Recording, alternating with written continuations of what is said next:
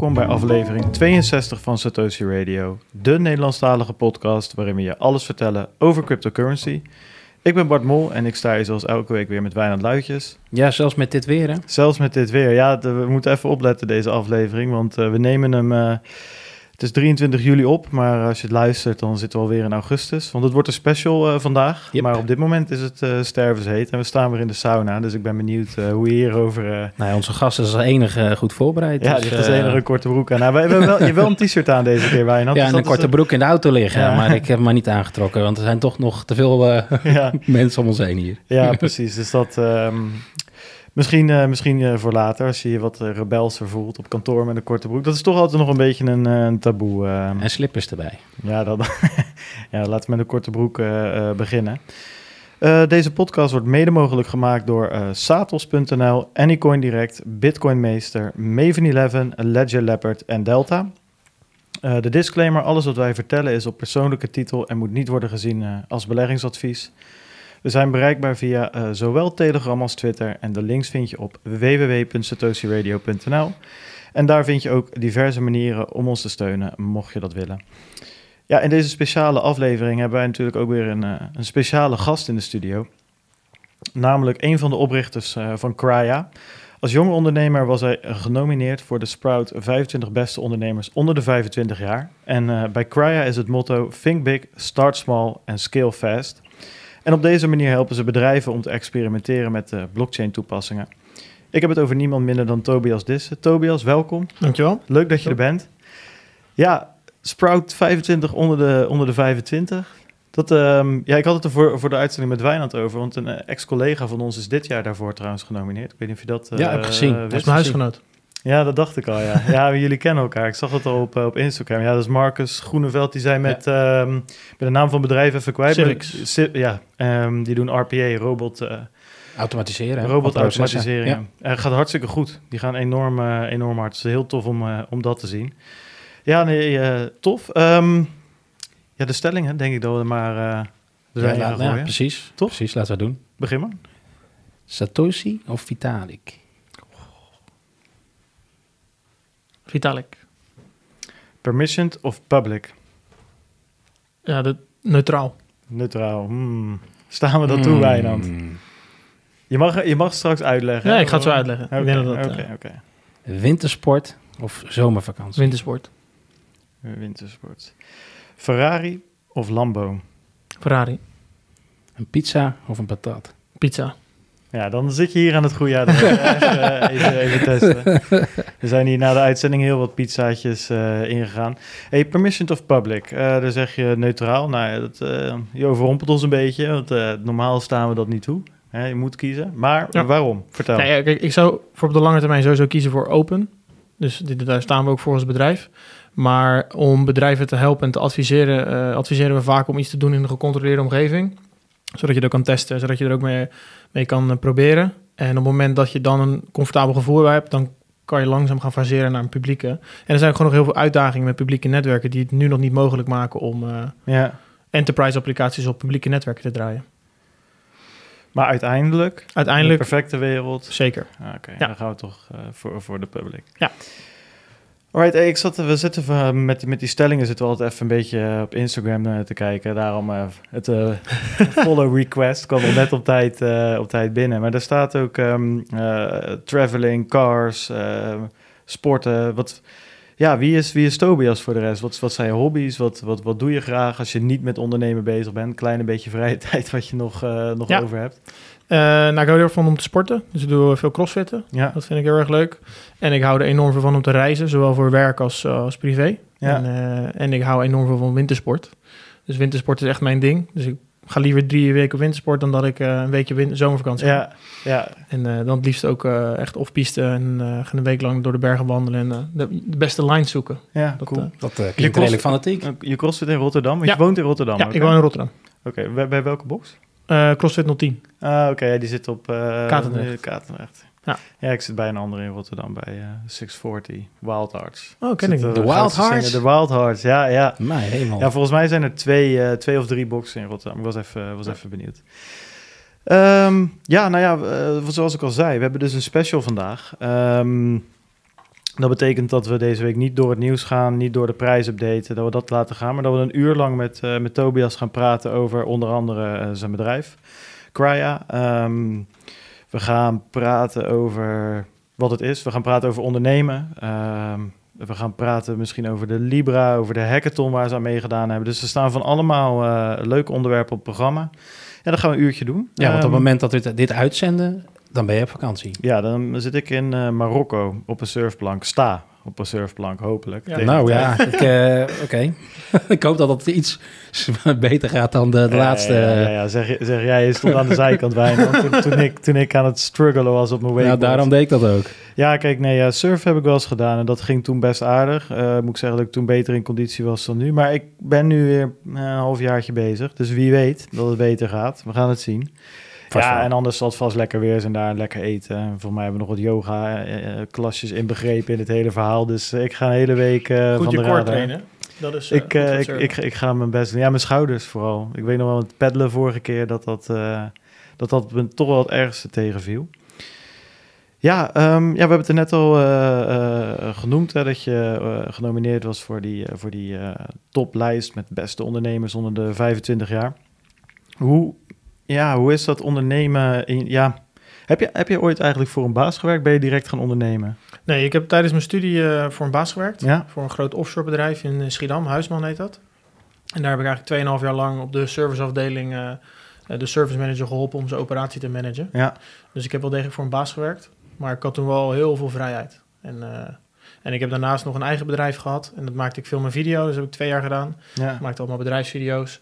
En uh, ja, ik denk dat de grootste reden waarom ik voor, een, uh, voor mezelf ben begonnen, of in ieder geval samen met Tom en Heijssel, is omdat ik ook ben opgegroeid met een ondernemende vader. Ja. Dus voor mij was het soort van normaal om te luisteren naar iemand die altijd de eigen vrijheid en zijn eigen zijn ding deed. En uh, toen ik ouder werd, en in ieder geval ouder werd, hè, ik ben zo oud ben ik niet, maar Wat oud ben je? Hoe oud ben je? ik ben 24. 24. Ja, en voor een baas begon te werken en in mijn laatste afstudeerstage vrij vervelende ervaring aan heb gehad, dacht ik van ja, maar ik kan dit gewoon zelf volgens mij ook heel goed. Ja. En uh, het is een kwestie van je kennis uh, zodanig opbouwen en dat te weten te verkopen en ook weten uit te werken. En ik dacht van ja, dat kunnen we prima doen in een eigen bedrijf. En dan gewoon een sterke visie achter te zetten. En het idee van, van, van Crya is een combinatie van, uh, van Tom en Heijssel, die voor het Blockchain Education Network Nederland heel veel hebben gedaan. Ja. En daarin deden ze op de universiteit alle evenementen organiseren. En ik heb zelf een half jaar in Amerika gestudeerd. En daar uh, heb ik een studievereniging opgezet. Dat heet Blockchain at Berkeley. En dat is nu eigenlijk 's werelds grootste blockchain studievereniging. Uh, en daar komen ook heel veel mensen vandaan die bij heel veel protocollen werken. En het idee daar was van education, consultancy en, uh, en R&D. En wat doen wij als Crya? Wij doen een stuk consultancy, we doen een stuk R&D. Dus doen we, we doen wat minder education. Ja. Um, ja, en dat is eigenlijk de basis geweest voor het bedrijf. Maar je zegt eigenlijk hiervoor heb je meer, je hebt je een eigen mediabedrijf ja. gehad, heb je promoties gemaakt. Je liep hier ook binnen en je keek naar de camera en je, die ging die meteen even inspecteren. Dus meteen ja. al even zien wat, wat, wat hier opgesteld staat. Maar waar is die switch dan dat je zegt, ja, ik ga naar de US en ik binnen het halfjaartje dat je daar bent, start je een blockchain studentenvereniging of een studievereniging. Waar komt, dat, waar komt die link vanuit de media naar die blockchain dan vandaan? Nou, toen ik bij Huisman werkte, was ik heel veel bezig met innovatie. Mm -hmm. Dus ik deed daar een IoT-project. Ik deed daar een implementatietraject van een groot softwarepakket voor de service managers. En toen dacht ik, ik was ook veel bezig met big data. En dan was ik al vrij snel dat ik dacht van, oké, okay, ik snap het wel. En ik snap dat dat wat moeilijker is. En ik, toen kwam blockchain op een gegeven moment op mijn pad in 2014, 2015. En toen dacht ik van, ja, toen begon ik dat te lezen en dat, dat liet me gewoon niet los. En in Amerika was dat helemaal erg, want er was ook allemaal mensen om me heen die daar ook allemaal mee bezig waren. En het is een continue nieuwsgierigheid die bij mij werd getriggerd. En dat is gewoon nog steeds zo. En uh, ik, ik, denk dat het zo'n complex onderwerp is dat er eigenlijk altijd wel iets is wat je nieuw kan leren. Ja. En dat heeft me wel gewoon gegrepen. En uh, ik haalde gewoon heel veel energie uit, omdat het altijd wel iets nieuws is. Ik kan mijn creativiteit er goed in kwijt. En uh, ja. Maar zat je er toen direct in van dat technische interesse of meer juist alles wat er omheen kwam kijken? Dus die politieke waarden en al dat soort punten? Nou, meer vanuit mijn studieachtergrond denk ik. Ik heb technische bedrijfskunde gestudeerd. Hmm. Dus het analyseren van bedrijfsprocessen en, en de manier op hoe een bedrijf zich opereert. En dat in combinatie met innovatie. En dat, dat, dat triggerde me gewoon heel erg van hoe je deze technologie nieuwe vormen van samenwerking kan laten faciliteren. Um, en ik denk dat dat gewoon iets is wat ik heel vet vond. En daar nog niet de juiste tools voor had. En ik zag blockchain en ik van, hé, hey, daar kan je gewoon hele nieuwe ecosystemen mee ontwikkelen. Een nieuwe samenwerking mee opzetten. En daardoor dus makkelijker data uitwisselen en dat soort zaken. En toen dacht ik, ja, dit is wel echt iets wat heel goed bij me past. Ja. En uh, ja. Ja, tof. Um, is even te kijken wat. eh, Ik, had, ik zag een interview, of eh, ja, voor mij was het een interview, en daar, en daar eh, ging het ook over Crya natuurlijk. En daar zeg je van eh, dat, dat jullie bij Crya een beetje brutaal zijn. Een jong Mhm. bedrijf. ehm, en, en daar dus ook mee wegkomen. de- met, dat iets, met iets brutalere attitude dan een, eh, dan een wat ouder en wat, wat, wat, wat, wat, eh, wat groter bedrijf misschien. Ja, hoe, hoe, hoe werkt dat? Wat is, wat is brutaal in zo'n, in zo'n, in zo'n context? Ja, ik denk dat aan het begin van het bedrijf hadden we eigenlijk niets te verliezen. Ja, Dus we moesten klanten krijgen. Ja. En daardoor, ik denk de, de, de, dat we daardoor gewoon wat, ja, wat meer vanuit onze jongheid wat brutaler waren om aan opdrachten te kunnen komen, in Ja. zekere zin. Maar we zijn altijd wel eerlijk gebleven. Dus wat denk ik ook ons heel erg heeft geholpen, is dat we aan het begin niet zoveel heel erg het concept, eh, hoe zeg je dat, als blockchain wilden verkopen, als de technologie heel erg naar binnen wilden drijven, maar ook heel erg graag op zoek waren naar problemen.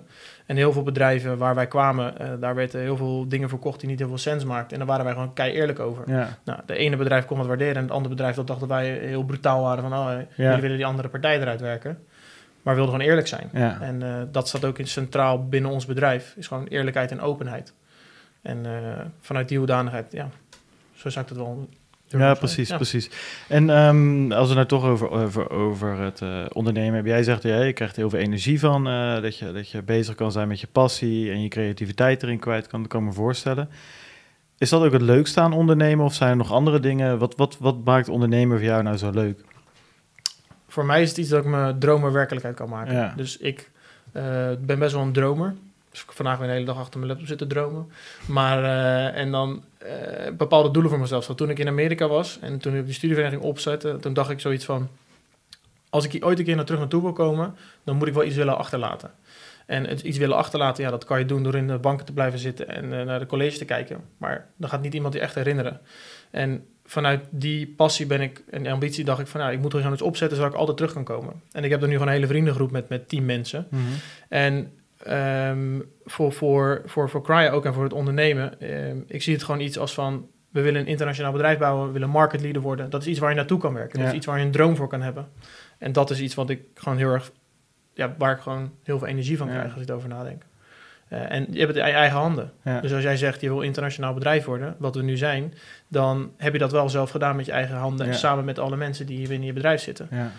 Ja, en als je dat geen energie geeft, dan weet ik niet eh, waar ik anders in ben. Ja, precies. En, en wat is nou het minst leuk? Het minst leuk dat ik mijn vrienden weinig kan zien. Dus eh, ik eh, ben denk ik eh 60% of misschien wel 70% van mijn tijd in het buitenland. Ja, En nou ja, uit het oog, uit het, uit het hart. Hè? ja, En dat is wel heel erg moeilijk. En ik vind dat ook wel, wel lastig, want je zit ook precies in zo'n fase waarbij veel van je vrienden gaan werken. Veel van je vrienden die hebben misschien een vriendin. En op een gegeven moment wordt je vriendengroep steeds kleiner. ja. En dat is altijd wel dat je dan succesvol aan alleen aan de top staat in zekere zin. Zo voelt het af en toe. En dat vind ik wel, eh, veel- wel, wel lastig. Want waar vlieg je nou zakelijk veel heen? Is dat echt binnen Europa wat je zegt internationaal? Of zit je ook Eh, echt in Amerika dan veel? Of Veel naar Duitsland, eh, veel naar San Francisco. Dus ik zit denk ik wel drie, vier keer per jaar in San Francisco. Oh, Oké, ja, dat is een flink eindje weg. Ja. Ja, en ja, we gaan ook vaak ongeveer drie, vier keer per jaar naar Singapore. En dan tussendoor zijn het allemaal tripjes. Dus dan is er Londen, Stuttgart, München, Zweden. Dus dat, dat eh, verschilt heel erg. Ja, oké, dat is in inderdaad wel fors. Ja. snap ik wel dat dat inderdaad lastig onderhouden is. eh, als je gewoon zo vaak Ja. weg bent. En ook, het is niet even om de hoek. Nee, nee, nee. Bijvoorbeeld, kijk, hoe wij ook werken met onze klanten. We, hebben, eh, we doen design sprints. Nou, dat is een bekend concept. Dat hebben we helemaal geëngineerd in, in- op een manier dat wij dat kunnen toepassen om voor het ontwerpen van een blockchain-strategie, een blockchain-product of een blockchain-ecosysteem. Ja.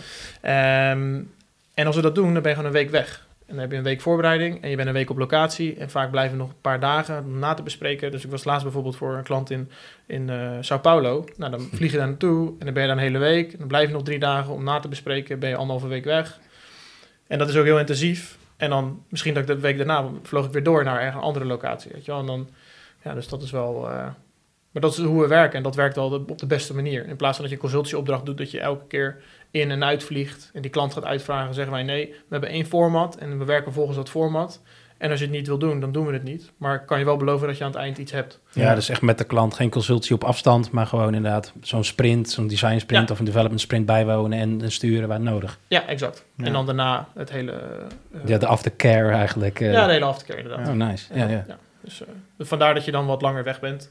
Ja. Eh, en ja, mijn rol is veel meer aan de sales- en strategiekant. Dus ja, voor sales moet ik gewoon reizen. En daar hebben we voor gekozen. Dus we hadden ook gewoon in Nederland de markt eh, kunnen doen. Maar ja, ik vind het gewoon één, heel vet om met verschillende culturen te werken. Twee, op het moment dat wij een internationaal project kunnen neerzetten, heb ik voor mijn gevoel ook een grotere impact. Ja. Ehm, dus ja, dat hoort er een beetje bij. Ja, nee, maar ik kan me voorstellen dat dat, ehm, ja, dat, dat lastig is. Eh, maar ja, dat, dat is altijd een beetje de keuze natuurlijk. eh, tussen, tussen ondernemen en, en een 9, 9, 9 to 5. Ja, nee, dat, ehm, dat is lastig. Ja, en over vijf jaar gaan ze allemaal trouwen. Of in ieder geval, die, die periode is hier nu opeens eh, aan de gang. Is iedereen getrouwd, kinderen. krijgen De ze kinderen. babyboom, ja. ja, nee, maar oprecht, als ik nu... eh, niet alleen hier op werk in Amsterdam, maar ook gewoon als ik op mijn Facebook kijk of zo. Gewoon echt heel veel mensen van vroeger Ja. of op Instagram.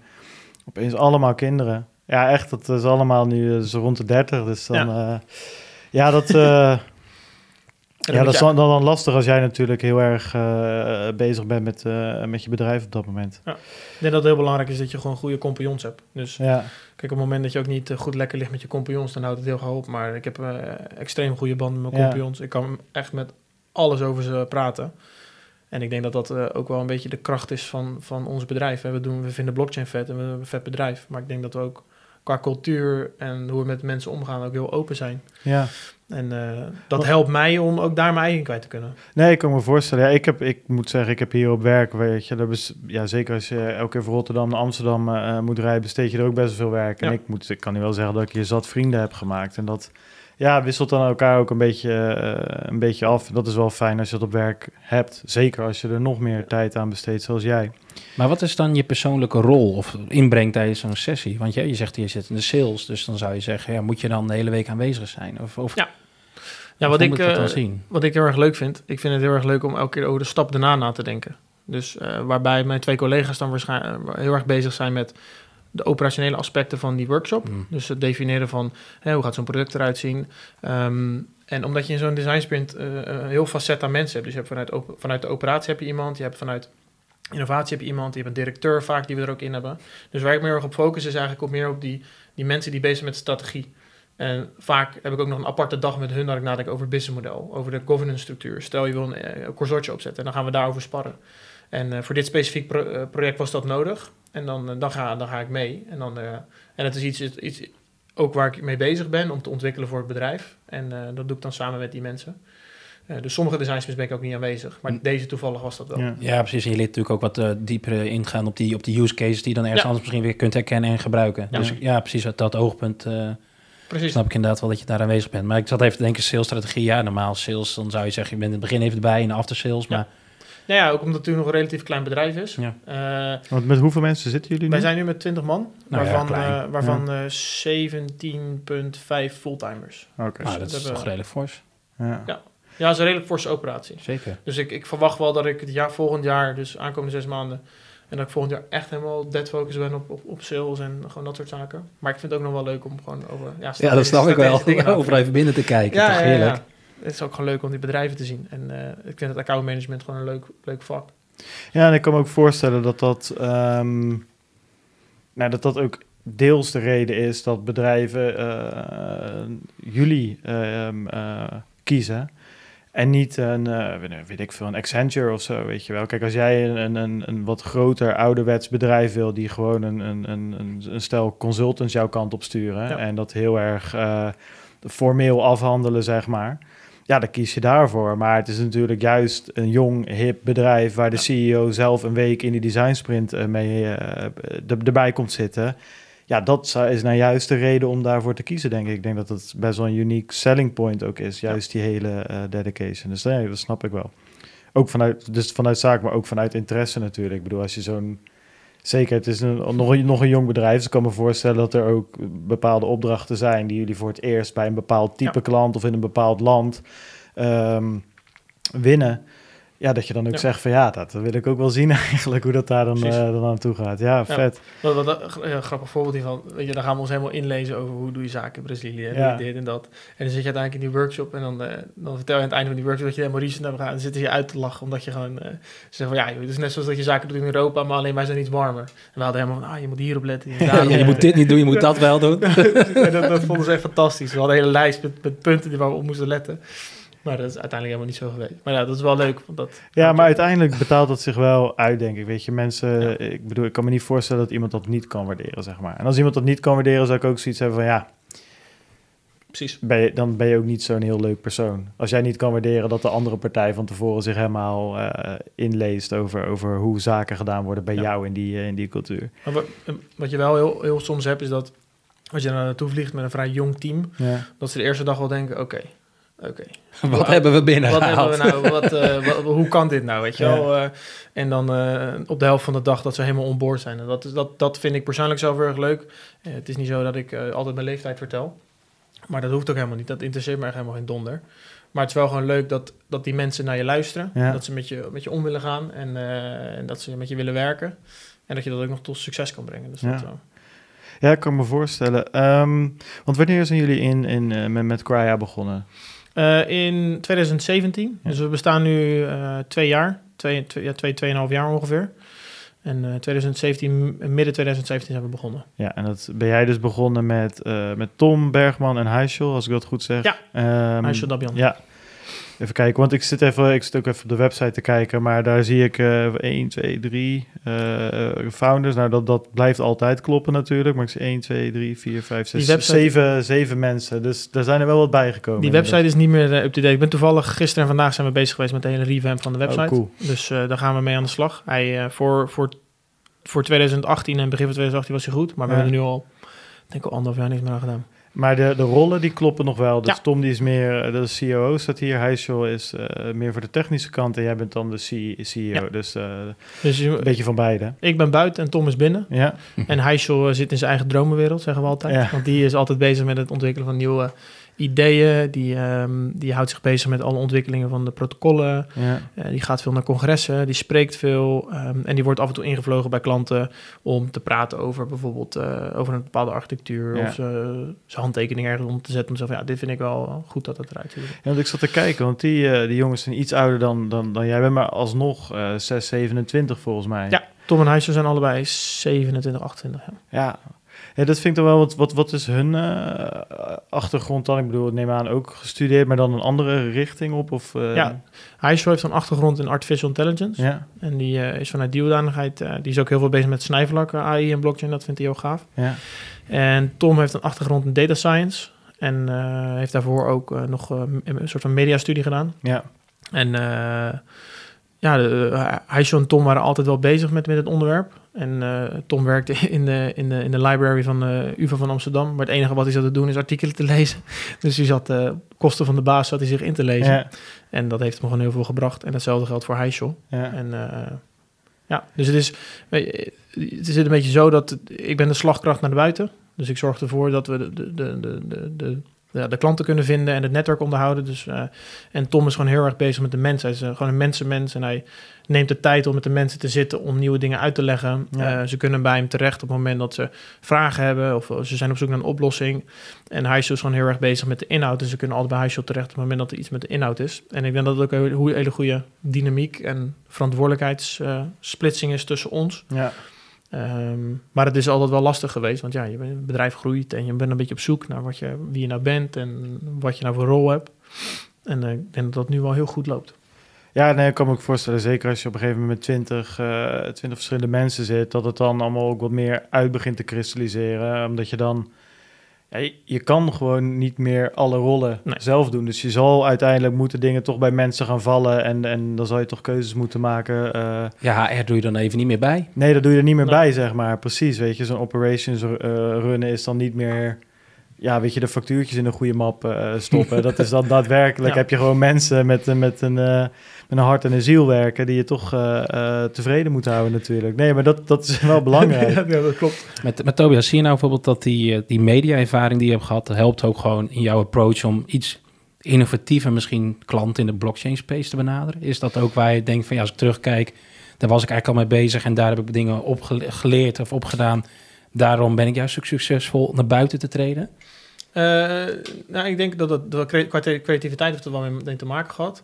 Eh, ik ben gewoon echt extreem blij geweest met mijn studiekeuze. Want daardoor heb ik, ik heb een opdracht gedaan voor het VUMC. Ik heb een opdracht gedaan voor DB Schenker. Het zijn allemaal bedrijven waar ik toen als student eigenlijk een opdracht mocht doen. Dus ik deed een soort van consultancyklus. En daardoor, door die ervaring, was het voor mij gewoon makkelijk om te zeggen van... oké, ik heb een idee, ik ga het gewoon aan niemand verkopen. Ja. Ik zie wel wat er gebeurt.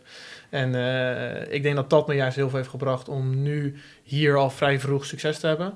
En ik heb een vader die, eh, die is interim manager en dat doet hij al 22 jaar. Dus ja, ik zat vanaf heel jongs af aan bij hem in de auto, zat hij te bellen met mensen over alles en nog wat. En heel onbewust krijg je daar wel wat van mee. Dus al die management ge- gebrabbel, om het zo maar te noemen, ja, dat kreeg ik van vrij jongs af aan mee. Dus ja. als ik dan met, zo, met een directeur of iemand aan tafel zat, dan was het vrij simpel om mijn ideeën te kristalliseren en het aan ze te verkopen. Nou, dan was het nog een uitdaging om het dan in offerte te zetten.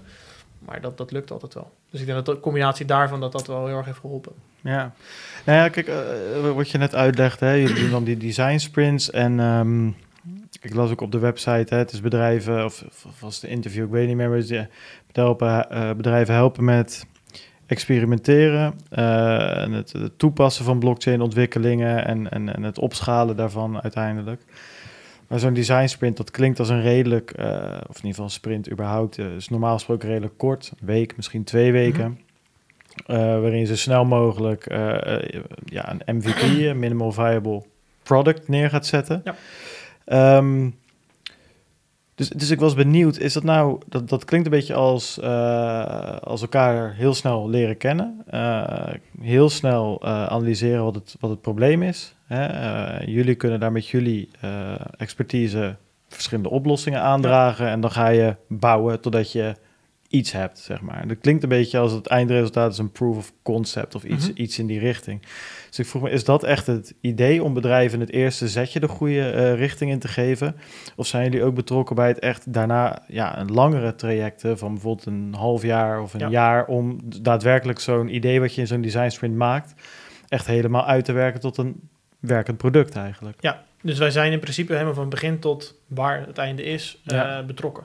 En ehm, eh, ik kan twee, echt twee voorbeelden geven. Een specifiek voorbeeld op het project dat we ook dus eh, doen wat we in Brazilië hebben gedaan. Dat bestaat eigenlijk uit vier trajecten. Ja, En dat is niet alleen een design sprint. Dus daar komt ook heel erg het strategieaspect bij te kijken. En die klant die kwam eigenlijk naar ons toe en die zei van... we zijn een groot chemiebedrijf en eh, we zien heel veel toepassingen... maar we hebben eigenlijk niet de skills en capabilities om het te kunnen doen. En we weten eigenlijk ook niet waar we het aan moeten pakken. En we hebben met hun eigenlijk een complete eh, strategie bedacht... over hoe we in een jaar eigenlijk... eh, dus aan het einde van dit jaar vier POC's hebben gebouwd en één mogelijke pilot. En ehm, als onderdeel daarvan hebben we een innovatiecampagne bedacht en een tool ontwikkeld waar mensen het, eh, gewoon tijdens het werk zelf een idee konden ontwikkelen met video's en, en dat noemen we de kickbox. En uit die kickbox zijn 130 ideeën gekomen eh, en de incentive om een idee in te dienen was dat je een design sprint won. ja. En eh, nou, er kwamen echt ideeën van over heel de wereld. Die hebben we geanalyseerd. en die hebben we in bepaalde buckets gezet. Van is het iets wat we op de korte termijn kunnen implementeren? Is het wat we op de middellange termijn kunnen implementeren? Of op de lange termijn kunnen implementeren? En eh, daar hebben we gefocust op die laatste twee. Ehm, en hebben gezegd, oké, nou, we hebben vier ideeën. En die vier ideeën die hebben we allemaal een design sprint gegeven. En het idee is dat die ook daarna tot POC door worden ontwikkeld. ja. Dus wat je daar ziet is dat we niet alleen dat, dat kleine blokje van de design sprint doen, maar we doen de hele uitvoering ervan. We bedenken de strategie om daadwerkelijk die waarde te kunnen genereren en ook het management daarmee te krijgen. Eh, en ook een stukje softwareontwikkeling. En wat daar heel erg belangrijk is, is dat we een goede band hebben met IT. Eh, dus dat, Idee-afdeling van de klant dan Ja. in dit geval. Ja, en ja. dat we een, eh, een, eh, een soort van Azure-omgeving krijgen of cloud-omgeving waar wij gewoon in kunnen spelen.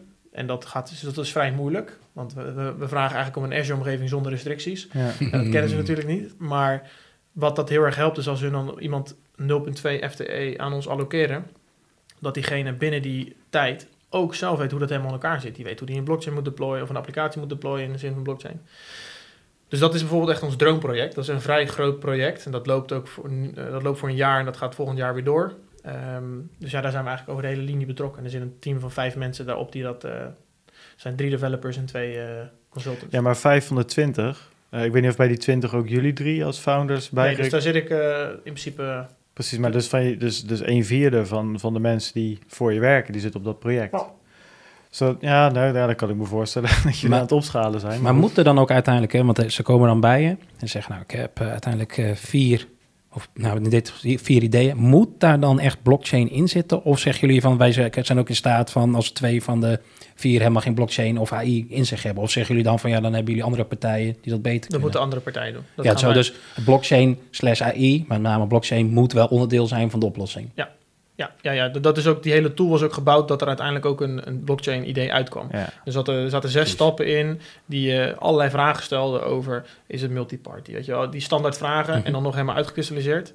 Dus daar kwam niet een idee uit wat niet met blockchain eh, te doen was. Maar ik vind ik- dat is wel op zich wel een goede vraag. Dat, kijk, dat dat in deze use case, eh, dat, dat jullie die door middel van een vragenlijst er al uitfilterden, filterden, dat, is, dat is hartstikke slim natuurlijk.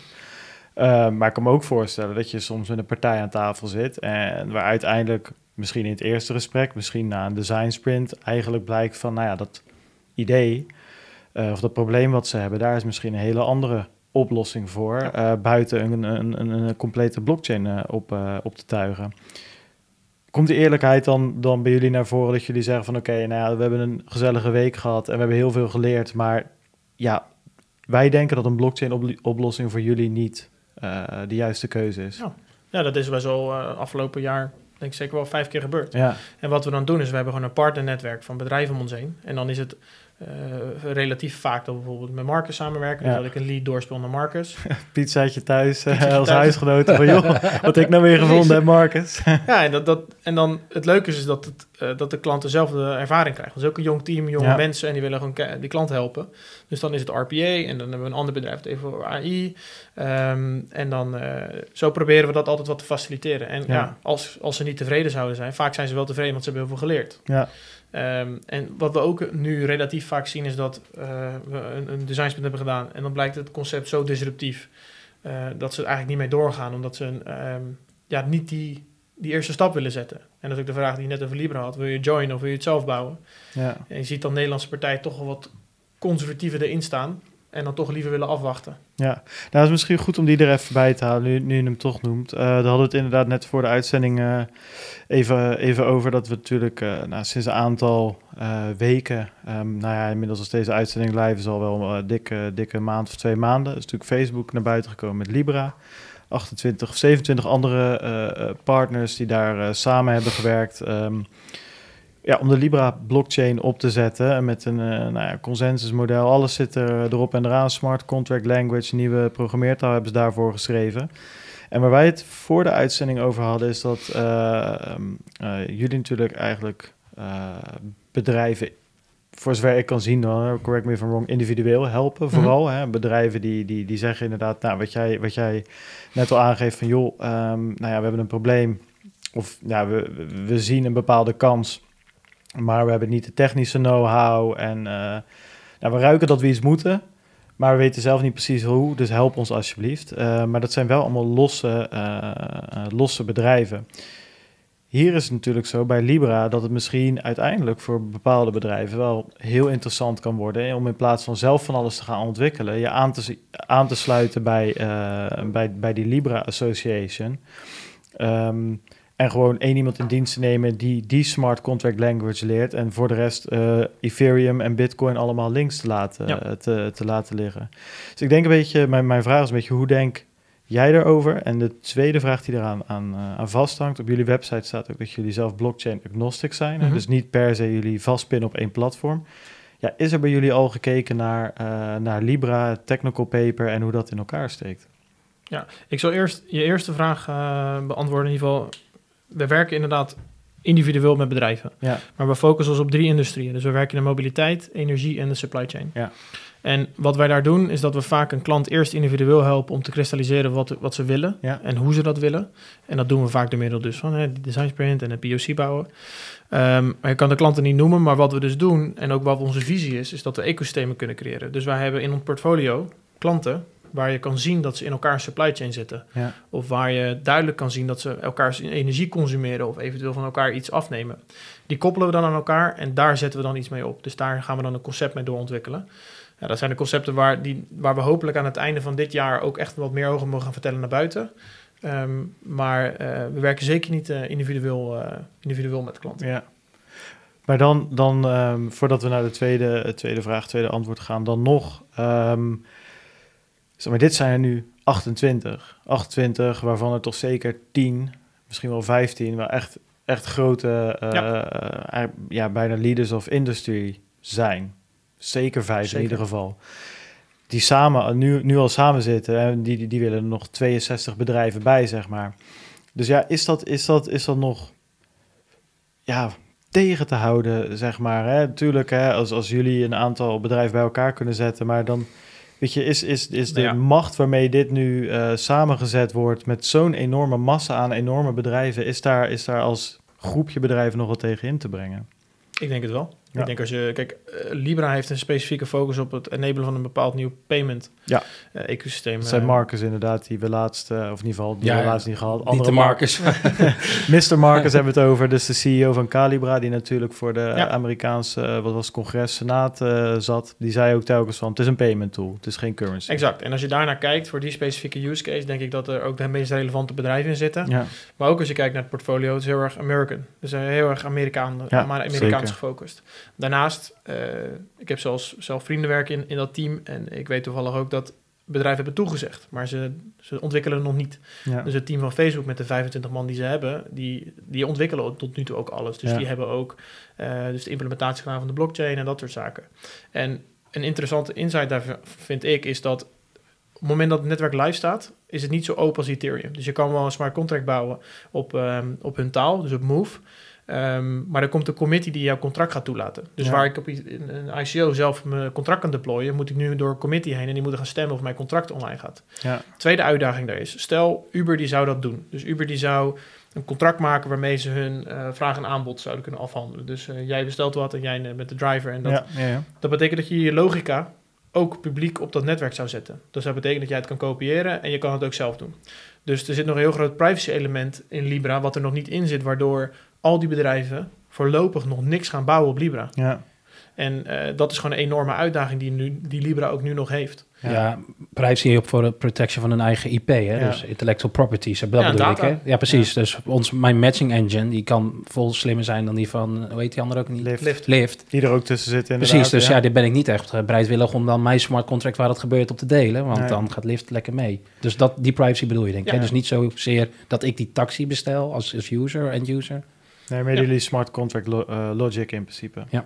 Ja. Nee, ja, zeker goede, eh, goede punten. Ehm, maar alsnog, het blijft denk ik heel interessant. Wat hebben jullie, zijn jullie daar verder op, eh, op ingedoken? Of wat, hoe was de consensus zeg maar, bij jullie op kantoor eh, toen dat bekend werd gemaakt? Wij hebben met z'n allen live de hearing van Marcus zitten kijken. Ja. Ik, ik vind dat echt super belangrijk, want ik denk de vragen die ook werden gesteld in de Congress, sommige waren een beetje, maar er waren ook een aantal hele goede vragen. En ik denk Ja. dat het ook heel erg weerspiegelt waar de hele industrie staat. Ja. Dus er is er nu één iemand, en Marcus zit daar en die beantwoordt die vragen, maar ik denk dat voor de gehele industrie diezelfde vragen beantwoord moeten worden.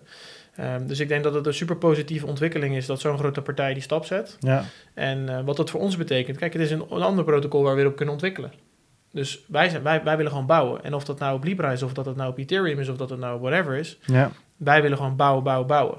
Ehm, en dingen in de markt zetten. Ja. En eh, ik weet zeker dat als die 65 bedrijven hebben, misschien dat de 10 daarvan een eigen team hebben, maar de rest niet. Ja. Dus wie gaat het dan ontwikkelen? Maar is dat zo? Als ik gewoon... Wacht, eh, één seconde Wijnand. Voor de mensen die, eh, want we zitten, wij hebben het vorige week best wel uitvoerig over die Libra-hearing eh, gehad. Dat is inmiddels, dus- als je dit luistert, inderdaad een stuk langer terug. Mocht je dat nou leuk vinden, want wij hebben daar de, ja, in, top. onze, in onze ogen de beste eh, comments uitgehaald van, eh, van verschillende congressmen en, en women. Eh, aflevering 58, eh, mocht je die terug willen luisteren. Dus dat, eh, dan, dan kan je er dieper op in. Go, go ahead. Ja, want je zegt wel, eh, eigenlijk wil ik op alles bouwen en dan liefst bouwen, bouwen, bouwen. Maar ik kan me ook voorstellen dat uit een bepaalde ethisch, ethisch, ethiek, dat je zegt van ja, leuk een Libra. Ja, leuk dat netwerk. Ik sta daar niet achter. Dus als mijn klant daarom vraagt, dan, zet, dan, dan verkoop ik hem misschien een keer nee. En dan verwijs ik hem naar een open netwerk zoals Ethereum bijvoorbeeld. Hoe, Kan- kijk, hoe kijk je daar tegenaan? Nou, die, wij, wij doen er dus analyses ook op. Van, eh, en de ene klant die eh, schenkt meer aandacht aan de support van een protocol. De ene eh, kl- klant die schenkt meer aandacht van de open source development die er plaatsvindt op het protocol. En eigenlijk op basis, kijk, wij kunnen zo ver pushen als we willen. Maar op een gegeven moment moet je ook gewoon voldoen aan de requirements van een, van een bepaalde IT-infrastructuur. Ehm, en op basis daarvan maken wij een selectie op waar we gaan ontwikkelen. En ja, het is gewoon... de industrie is ook op het moment nog een soort van betting on the right horse. Ja. En wij betten gewoon op meerdere horses. En eh, bouwen daardoor de skills op om snel te kunnen switchen. Eh, maar we zijn wel redelijk EVM-focused. Dus eh, we, ja, je hebt Ethereum, maar je hebt ook nog heel veel families van Ethereum. Dus Parity is op Substrate dadelijk, Polkadot, dat wordt ook EVM-supported. En op het moment dat je daar wat meer focus aan brengt, dan kan je altijd dadelijk wel makkelijker switchen. Ehm, maar ja, stel je gaat op een hele andere structuur bouwen, dus je gaat echt focussen op Bitcoin. Ja, dan word je ook wel gelimiteerd. Eh, maar het wil niet zeggen dat wij niet geloven in bitcoin. Weet je wel. Dat, dat is, Tom, Nee, ik Tom, denk juist Tom is echt ja. een bitcoin man. Weet je Nee, maar ik denk ook niet zozeer naar de bitcoin. Maar ik kan me voorstellen, er zijn natuurlijk eh, genoeg andere netwerken... waar je misschien niet helemaal achter staat... qua hoe de governance daar geregeld is... of hoe Oh, niet decentraal zeker. het is. Dat je zegt, ja, het kan best zijn dat dat... puur kijken naar de techniek... misschien wel de beste oplo- oplossing was geweest. Maar wij als Krea zeggen dan van... ja, eh, daar willen wij niet op bouwen. Ik, Ja. hè, dus het is meer een beetje een ethische vraag van... ja, zou, loop je daar tegenaan? Maar eh, vooral omdat Libra, waar jij over gaat... Ja. ook meer eigenlijk voor mij weer een ethisch vraagstuk is van wil je dat doen, wil je data aan geven aan dat soort partijen dan technisch, want volgens mij wat ze technisch neerzetten tot op zekere hoogte nog best wel knap is. Nou, wat ze op hebben gezet is gewoon eh, best fit for purpose. Dus ze hebben gewoon een aantal dingen gepakt uit de markt die, die supergoed werken. Die hebben ze gewoon aan elkaar geknoopt. En dat hot stuff van VMware, dat is gewoon een, gewoon een degelijk protocol. Ja. En dat is volgens mij ook eh, PBFT, als ik uit mijn hoofd heb. En dat is ook gewoon een bewezen protocol wat al langer in distributed systems wordt gebruikt. Ja. En het wordt gesupport door VMware. Dus ja, weet je, ze hebben gewoon daar goede, dege- degelijke keuzes in gemaakt. Ja. Maar het is ook niet weer heel bijzonder. Weet je wel, ze hebben niet een hele bijzondere implementatie. Het is meer gewoon stabiel, netjes, schoon. Maar het is niet dat ze, weet ik veel, een, een of andere gekke privacy of crypto implementatie doen van, eh van zero Die smart contracts move is toch wel nieuw of niet? Of hebben ze Ja. dat? Oké, ja, dat Ja, dat is ook wel vet, want Facebook staat bekend om het versimpelen van eh programmeerlanguages. En ze zijn, eh, volgens mij is React uit mijn hoofd, is dat ook mede door Facebook doorontwikkeld. En dat is natuurlijk ook wel een interessante ontwikkeling, waarbij Facebook aandacht aan het schenken is om die programmeertaal makkelijker te maken. En eh, ja, dat ze dat supporten. En ik denk dat dat een hele goede ontwikkeling is. Ja, zeker. Ik, ik zat nog even te denken. Die, ehm, je had net verschillende industrieën en dan drie waar jullie op, eh, Ja. op focussen. Ehm, tussen die drie industrieën en misschien ook industrieën waar jullie eerst wel naar gekeken hebben, eh, maar waar, waar jullie later hebben gekozen om daar niet op te focussen. Merk je nou verschil in zo'n industrie met de met, met, met ehm, ja, willingness, bereidheid eigenlijk om ehm, eh, te innoveren qua IT en dan natuurlijk specifiek Mhm. blockchain in dit geval. Eh, ik stel de vraag omdat ik de, me, kan voorstellen bijvoorbeeld eh, de, de meer FS-sector. Ja, weet je, daar hangt zoveel van af. De, de halve samenleving maakt gebruik, of de hele samenleving maakt gebruik van hun producten, inclusief bedrijven. Dus het is wat lastiger om, om, om de backbone van een, van een Nederlandse bank te vervangen. Laat staan met een blockchain-implementatie. Dus ik zat een beetje, ja, de, de vraag is dus eigenlijk van, joh, zie jij verschil tussen die industrieën? En zijn er industrieën die misschien wat terughoudender zijn, industrieën die wat, ja, wat, wat, wat eerder bij jullie aankloppen om, Ja. eh, om een blockchain-implementatie eh, te gaan eh, verwezenlijken? Ja, wij, wij doen geen werk voor financial services. Dus eh, dat is vanuit ethisch standpunt. Dus eh, ja, als je kijkt naar de technologie en eh, als je kijkt naar de huidige implementatie van Libra, dan zie je dat Facebook geen bank nodig heeft om hun transacties te kunnen afhandelen. Ja, En vanuit die hoedanigheid. Vind, kijk, als een bank naar ons toe komt met echt een hele vette challenge of uitdaging of complex project, dan willen we erover nadenken. Maar we hebben ook wel met een tender meegedaan dat ik dacht van ja, waarom doen we dit eigenlijk? ja. Ehm, en er zit, de industrieën waar wij in zitten, die, die hebben gewoon voor de, voor de toekomst, voor de aankomende 20 jaar, een aantal hele belangrijke uitdagingen. Maar eh, nog heel even over die financiële sector, want dat, wat, wat is dan precies de afweging om dat niet te doen?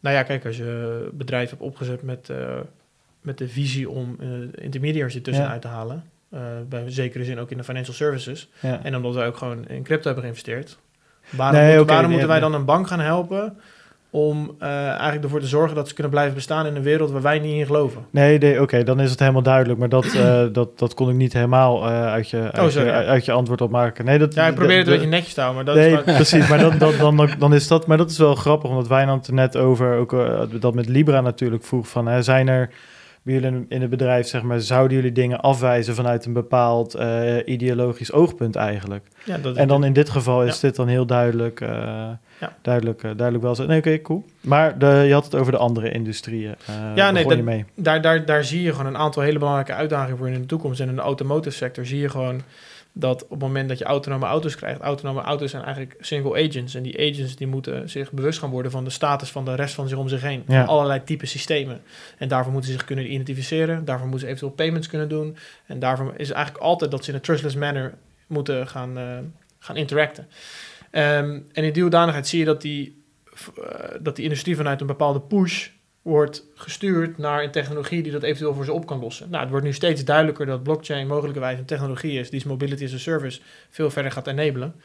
Dus daarom specifiek in die industrie ook. En in energie zie je vanuit reguleringsperspectief, maar je ziet ook veel meer, hè, wij leveren zelf als consument energie terug aan het net. We krijgen energie van een, van een, uh, van, hè, van een, van een grote generatie en opwekking. En die afstemming van die energie en de vraag en demand, die wordt dadelijk zo gedistribueerd, doordat die informatie is dan zo verspreid. Nou, daar leent de architectuur van de technologie zich relatief voor. Ja. Um, ja, en wij geloven er gewoon in dat die bedrijven, en die hebben ook heel veel appetite ernaar om daar, dat te ontwikkelen.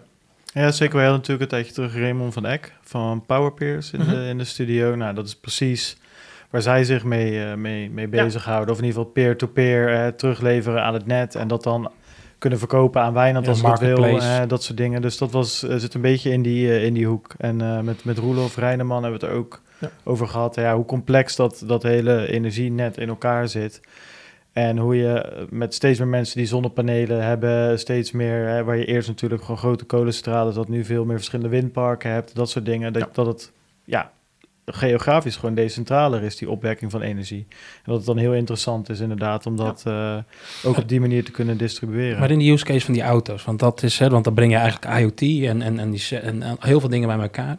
Waarom, wat maakt dan bijvoorbeeld blockchain ja. specifiek zo toepasbaar voor, voor, de, al die, voor, die, voor die netwerk van auto's of energy? Waarom zou, en dat is even weer de, de, de waarom-vraag. Waarom zou je dat niet uh, via een optimale cloud storage ook kunnen afhandelen? Wat maakt juist die blockchain-technologie in al die auto's en al dat soort netwerken dan dat je zegt van ja, dat is de push die deze energie of deze sector kan helpen mhm. om dat te bereiken? Wat maakt dat dan?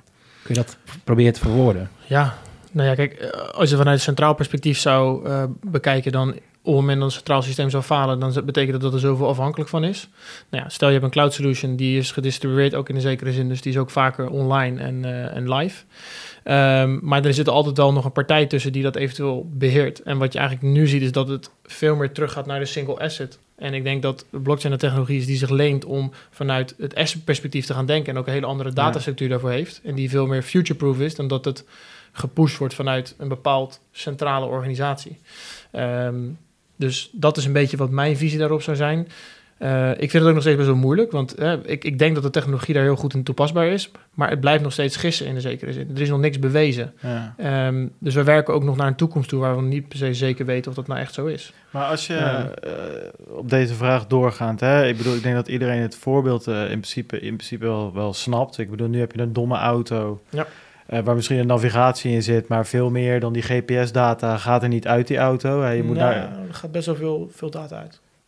Misschien inmiddels, hè, inderdaad, maar laten we, laten we zeggen, dat is dan redelijk, uh, redelijk recent, maar dat gaat allemaal terug naar een Volkswagen, een Audi, een uh, Fiat of whatever waar je in rijdt. Maar dat is dan vooral gewoon informatie over die, over die auto, misschien over jouw rijgedrag of zo, maar dat gaat allemaal rechtstreeks terug naar mhm. de fabrikant, neem ik, neem ik even aan op dit, ja. dit moment. Misschien dat Tesla er iets verder in is, die ook een updates gewoon over, over die air pushen.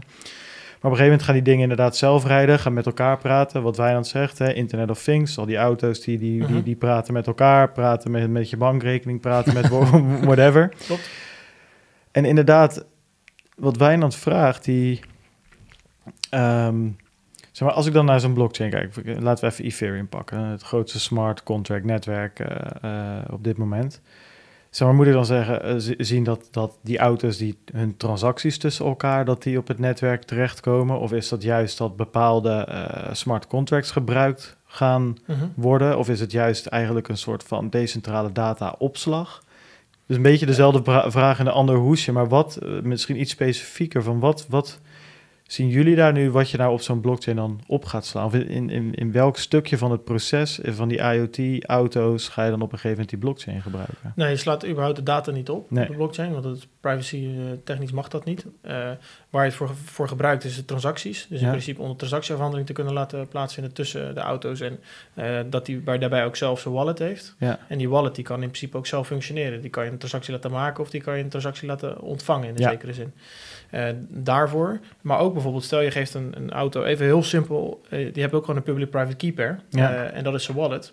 En op het moment dat hij dus een stukje data verstuurt naar de auto voor zich, kan die auto voor zich het valideren dat het van de juiste auto komt. Ja, ja, um, en daarvoor gebruiken we bijvoorbeeld ook. Dus dan kan je veel meer de traceability op het, dus niet de data die je de data zelf, maar veel meer van waar komt die data vandaan. De authenticatie. Authenticatie van de data. Ja. En um, dat in de auto zelf ook, kijk, nu is de blockchain nog niet schaalbaar genoeg om bijvoorbeeld eventueel dit te kunnen faciliteren voor miljoenen autonome Ja, ja, ja. auto's. Dat was misschien wel je volgende vraag. Eh, maar ik verwacht wel dat die schaalbaarheidsproblemen opgelost gaan worden. Ja.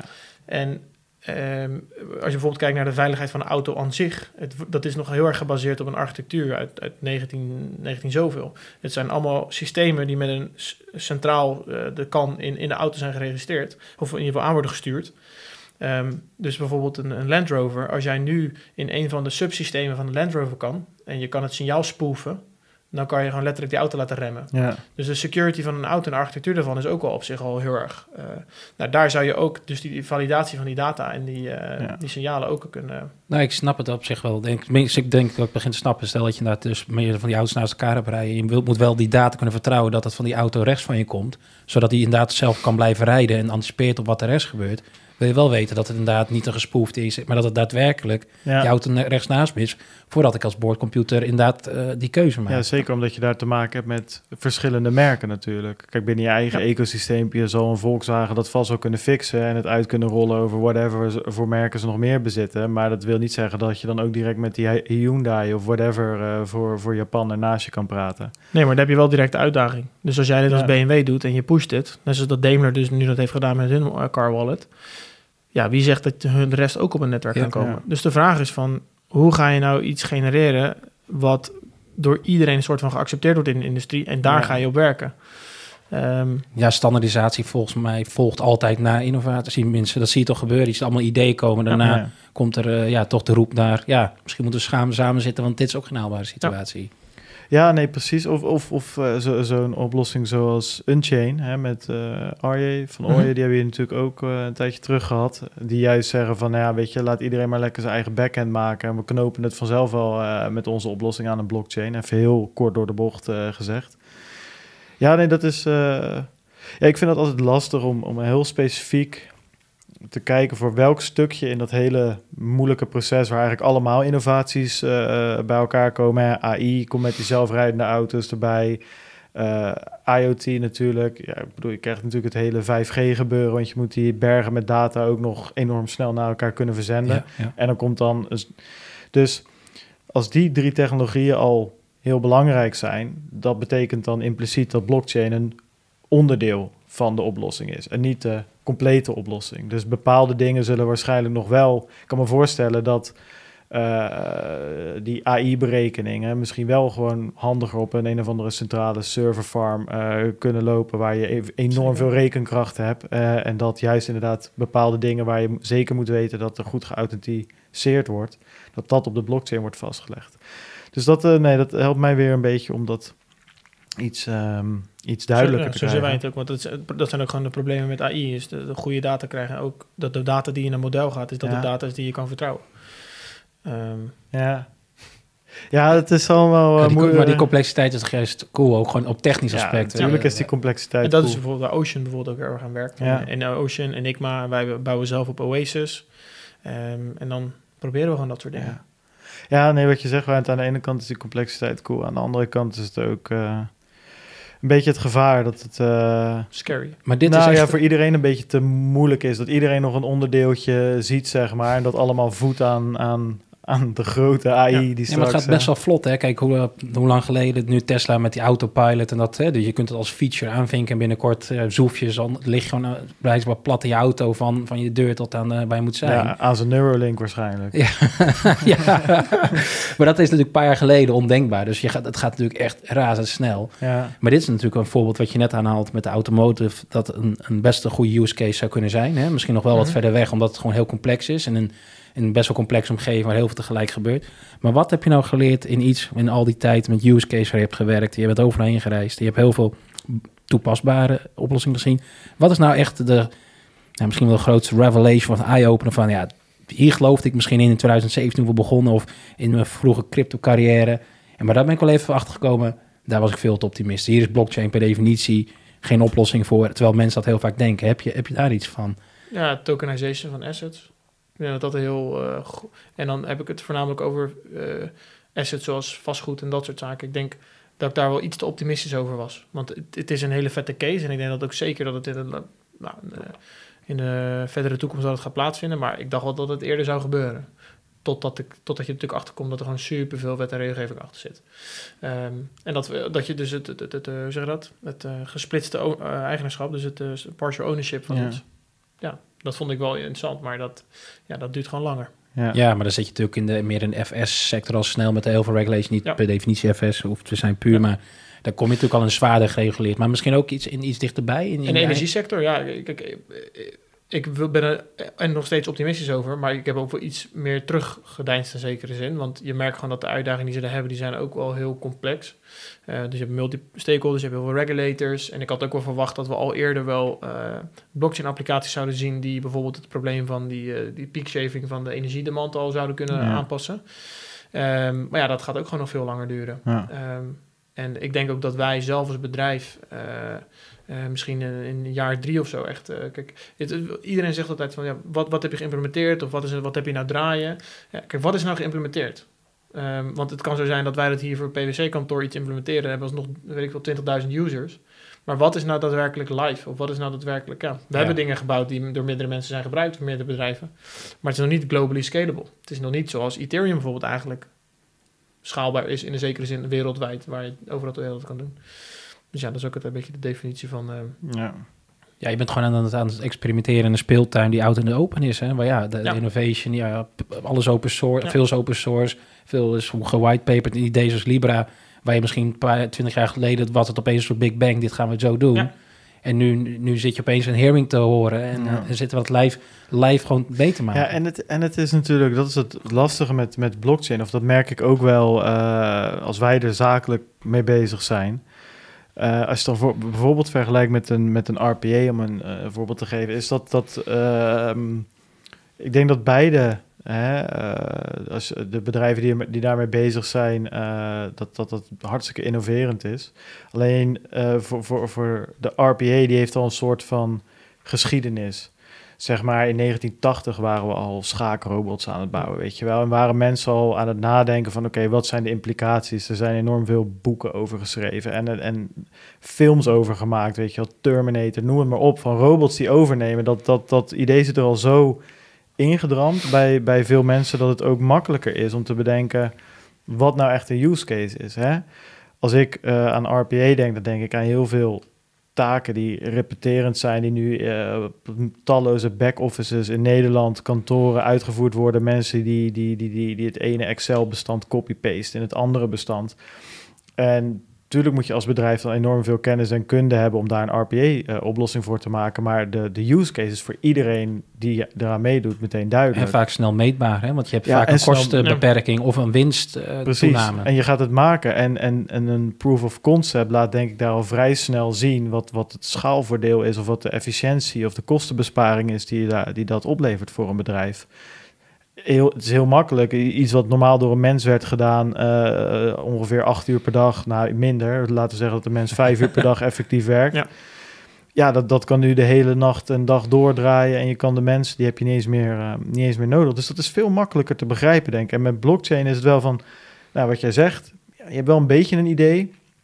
En een bedrijf ook wel. Mhm. en, en, en je gaat op een gegeven moment een design sprint in, een proof of concept. En denk je van, nou, dit lijkt wel alsof het kan werken, laten we ermee doorgaan. Maar dan is het alsnog de vraag van, is het schaalbaar? En, en je bent nog afhankelijk van of een E- Ethereum ooit gaat schalen Ja. bijvoorbeeld. Eh, als, dat het hele netwerk niet in elkaar dondert als ze een keertje naar een proof of stake over gaan stappen. Eh, India die nu, eh, of wat lazen we eh, een maandje geleden, moet even goed opletten, Eh, die, die, eh, die met een nieuwsbericht kwamen dat, dat bitcoin eh, of cryptocurrencies verboden zouden worden. Ja, weet jij, je zit in een heel ander speelveld waar we echt nog maar aan het, aan het begin staan wat dat betreft. En dat maakt denk ik dingen wel een stuk Maar daarom zie ik ook lastiger. voor ons bedrijf dat voor ons overleven is in een zekere zin. Want ja. je kan wel van de daken schreeuwen dat je nu eh, iets hebt in productie hebt. Maar ja, ik denk dat er een grote kans is dat dat niet voor heel lang in productie zal blijven. En Ja. zowel dan, eh, dan, maar er komen daarna nog zoveel veranderingen. De- onze developers hebben elke maand wel dat de nieuwe code van Ethereum is. Ja. En wil je dan zelf die codebase gaan onderhouden of wil je dan meer met de community gaan samenwerken? Ja. En wij kiezen gewoon veel meer met de community samen te werken dan heel erg onze eigen codebase te ontwikkelen. Ja. En we, willen, we hebben wel ook een visie voor een product en iets waar we naartoe willen. Maar ja, ik denk wat eh, ook, ook heel moeilijk met klanten dit. Want, eh, en dat is ook waarom ik soms wel samenwerk met bijvoorbeeld met RPA. We doen samen workshops en dan zeggen we altijd van, nou, RPA kan je zien voor op de korte termijn. Dus voor de aankomende vijf jaar gaat je dat heel veel geld opleveren. Nou, pak dat geld wat je daarmee verdient en stop dat dan in blockchain en dan Ja. ontwikkelen we nieuwe businessmodellen voor je. Ja, En zo doe ik als workshop samen met bijvoorbeeld met Marcus. Ja. En dat is best wel leuk, want er zijn die mensen die kennen, krijgen en eh, echt praktische hands-on experience met RPA. Ja. En dan introduceren wij ze aan iets, iets nieuws. Ehm, ja. ja cool. Dus ja, Ehm, ik zit even naar de tijd te kijken. Nou, we hebben nog wel even, maar er is nog wel een, iets, eh, een hele leuke crossover waar ik eh, nou niet helemaal per toeval ach- achter kwam, maar wat wel leuk is om te noemen. Ehm, we hebben hier een tijdje geleden Rutger van Zuidam eh, in de studio gehad van de Odyssey Hackathon. Eh, nou, daar hebben we van alles over, over gepraat, maar we hebben het niet over elke track kunnen hebben, hè, want daar hadden ze volgens mij een stuk of 12, 18 eh, tracks, best wel veel. Maar jullie hebben er dus eentje gewonnen. eh, met, met Crya. En dat was in de track Nature 2.0. Ehm, ja, ik ben, ben wel benieuwd. Wat was, eh, wat was de vraag Ja. daar? En, eh, wel- welke eh, bedoel je? In afgelopen jaar of die jaar ervoor? oh, jullie, hebben de, jullie hebben de twee gewonnen waarschijnlijk. ja, ja, heel goed. Volgens mij afge de, de laatste, de meest recente. De meest recente, de, het is een, eigenlijk een, een, ehm, een verbreding op wat we hebben gedaan in de eerste hackathon. En ach, ik zit even niet heel erg on top of my mind, maar wat we inderdaad hebben gedaan is dat we hebben gekeken van wat als je een, een, een zwerm van robots hebt. En in Ja. de vorm van drones en misschien ook luchtro eh, landrobots en allerlei andere zaken. Nou, die hebben voor elkaar een missie en die missie moeten ze met elkaar delen en dat moeten ze volledig autonoom kunnen doen. Ja. Nou, daar kom je eigenlijk ook een beetje uit het idee van autonome auto's van hoe kunnen ze elkaar verifiëren en valideren dat de data die ze naar elkaar toesturen, dat die correct is. En hoe, kunnen ze, hoe kan je dan bijvoorbeeld ook ze op een missie sturen? Dus ze zeggen van oké, zoek dit of zoek dat. En wat we daar hebben gebouwd is eigenlijk een implementatie van Tendermint en een tiental drones. En die tiental drones die communiceren met elkaar eh, en die delen elkaars locatie. En op het moment dat ze iets hebben gevonden, dan zenden ze dat naar elkaar toe. En dan gaan ze allemaal, elkaar, allemaal letterlijk naar diezelfde locatie toe. Ja. Ehm, en wat we hebben gedaan is dat we dat in de tweede hackathon hebben we dat virtueel weten te schalen naar 10.000 gesimuleerde drones. Die draaiden op een eh, Kubernetes-omgeving, ehm, waarbij we eh, ook de Kubernetes-omgeving volledig hadden gerebuild om dat da- wer- zo schaalbaar te kunnen Ja. maken. Ehm, en dat was echt gewoon ja, super futuristisch, maar het werkte wel. Maar Eh, als use case, als ik me denk, illegale woutkap, hè, dus in Bijvoorbeeld. houtkap, eh, dan, dan drones merken dat er iets geks gebeurt, eh, en die signaleren anderen, en dat wordt dan vastgesteld dat er iets gegaan is wat niet hoort. Ja, en wat er ook nog in hadden gebouwd is een smart contract die eigenlijk naar de resourcing ging kijken. Dus stel je hebt een netwerk met heel veel verschillende drones. En er zijn misschien verschillende aanbieders. Dus we hadden een, een resource contract gebouwd die eigenlijk altijd op, op zoek ging naar de goedkoopste resource. Dus iedereen mocht daar naartoe, mocht daar een bid doen van ik heb deze 20 drones en die zijn ter beschikking voor deze prijs. Ehm, en dan gingen jullie als researchers gingen jullie bijvoorbeeld naar dat portaal toe en zeggen oké, wij gaan de goedkoopste drone zoeken. En dan eh legt je tokens in en in principe met die tokens kon je dan afrekenen voor die resourcing. Eh, dus was ook een soort van bidding place voor het, het, het afnemen van die resources. ja, ik denk dat de politie dat ook wel interessant vindt. In China vooral. Op dit Ja, moment, maar, de eh, politie staat, bedoel je? Nou ja, kijk, het is natuurlijk... Hè, ehm, ja, nou ja, weet je, eh, dus op zich, ja... Je hebt een paar, een paar, een paar dingen, want in principe ben je natuurlijk een, iets aan het maken... wat in, in de natuur natuurlijk al jaren bestaat. Daar is dit ook op gebaseerd. Ja, inderdaad. precies. Ja. Dat, is wel tof, want het doet me denken aan, aan, aan bijen of zo. Gewoon Ja. beesten, zeg maar, die zonder enig eigenbelang doen wat hun instinct en de groep zegt wat ze moeten doen. En daardoor zo enorm snel. Je hebt toch van die grote, je ziet toch soms van die filmpjes dat je van die enorme zwermen met, met ja, hoe heet die beesten? Gewoon vogels, van die kleine zwarte vogels. Maar dat je echt honderdduizend ja, ja, ja. op een weiland hebt zitten die dan zo van die futuristisch-achtige organische eh, patronen maken in de lucht. Kunnen ze alleen maar omdat ze gewoon zonder enig eigen belang. Als de vogel links naar links gaat, dan ga je mee naar links. Exact. En dan gaan ieder, gaat iedereen mee. Terwijl juist, ja, mensen, weet je, denken het altijd beter te weten. ja, Die gaan in de file naar links, naar rechts, nog een keer naar links. Puur uit eigen belang om zelf maar vijf minuten eerder thuis te zijn. Terwijl de rest daardoor, weet ik veel, door al die, die, die ghost files die er daardoor ontstaan, een uur langer moeten wachten. Dus het is super interessant voor eh, zelfrijdende auto's om, om als zo'n zwerm te kunnen bewegen. Maar hebben jullie daar dan in zo'n hackathon, ik weet niet of je daar tijd voor hebt op dat moment, ga je dan ook kijken van, joh, wat, wat is daar misschien vanuit de, eh, de- vanuit de biologie, zijn daar wetenschappelijke artikelen geschreven of, of inzichten van hoe zo'n zwerm functioneert? En waarvoor een zwerm vogels dat wel kan? En om het zo maar even te zeggen, een zwerm mensen eigenlijk direct voor hun eigen egoïstische belang eh, kiest. De, de inhoud op je vraag eh, weet ik niet, maar ik weet wel dat Heysel zich heel erg heeft, uh, in diep heeft gegooid om uh, gewoon swarms te, te begrijpen. En Ja. er zijn heel veel papers geschreven over de relatie tussen uh, natuurlijke swarms en robotic swarms. Ja. En die heb- hebben we wel gebruikt als inspiratie. En dat heeft ons ook geleid om uiteindelijk een, een... Want de vraag kwam heel erg bij ons van... Oké, het is een vet experiment, maar we zouden wel meer willen weten. En toen hebben we MIT benaderd. En toen, uh, daar zit een, um, er zit een professor. um, en die is heel erg bezig met dit onderwerp. Blockchain en robotics. En toen hebben we met hem eigenlijk een paper geschreven... om die, uh, om die werelden bij elkaar te brengen. Dat hebben we gepresenteerd in, in, uh, in Boston ook. En daar zie je ook bij MIT Media Lab... dat ze heel veel inspiratie gebruiken van, van, van de natuur... en hoe bepaalde elementen met elkaar samenwerken. Um, dus ja, Heysel weet hier veel meer vanaf dan dat ik dat weet. Uh, dus ja...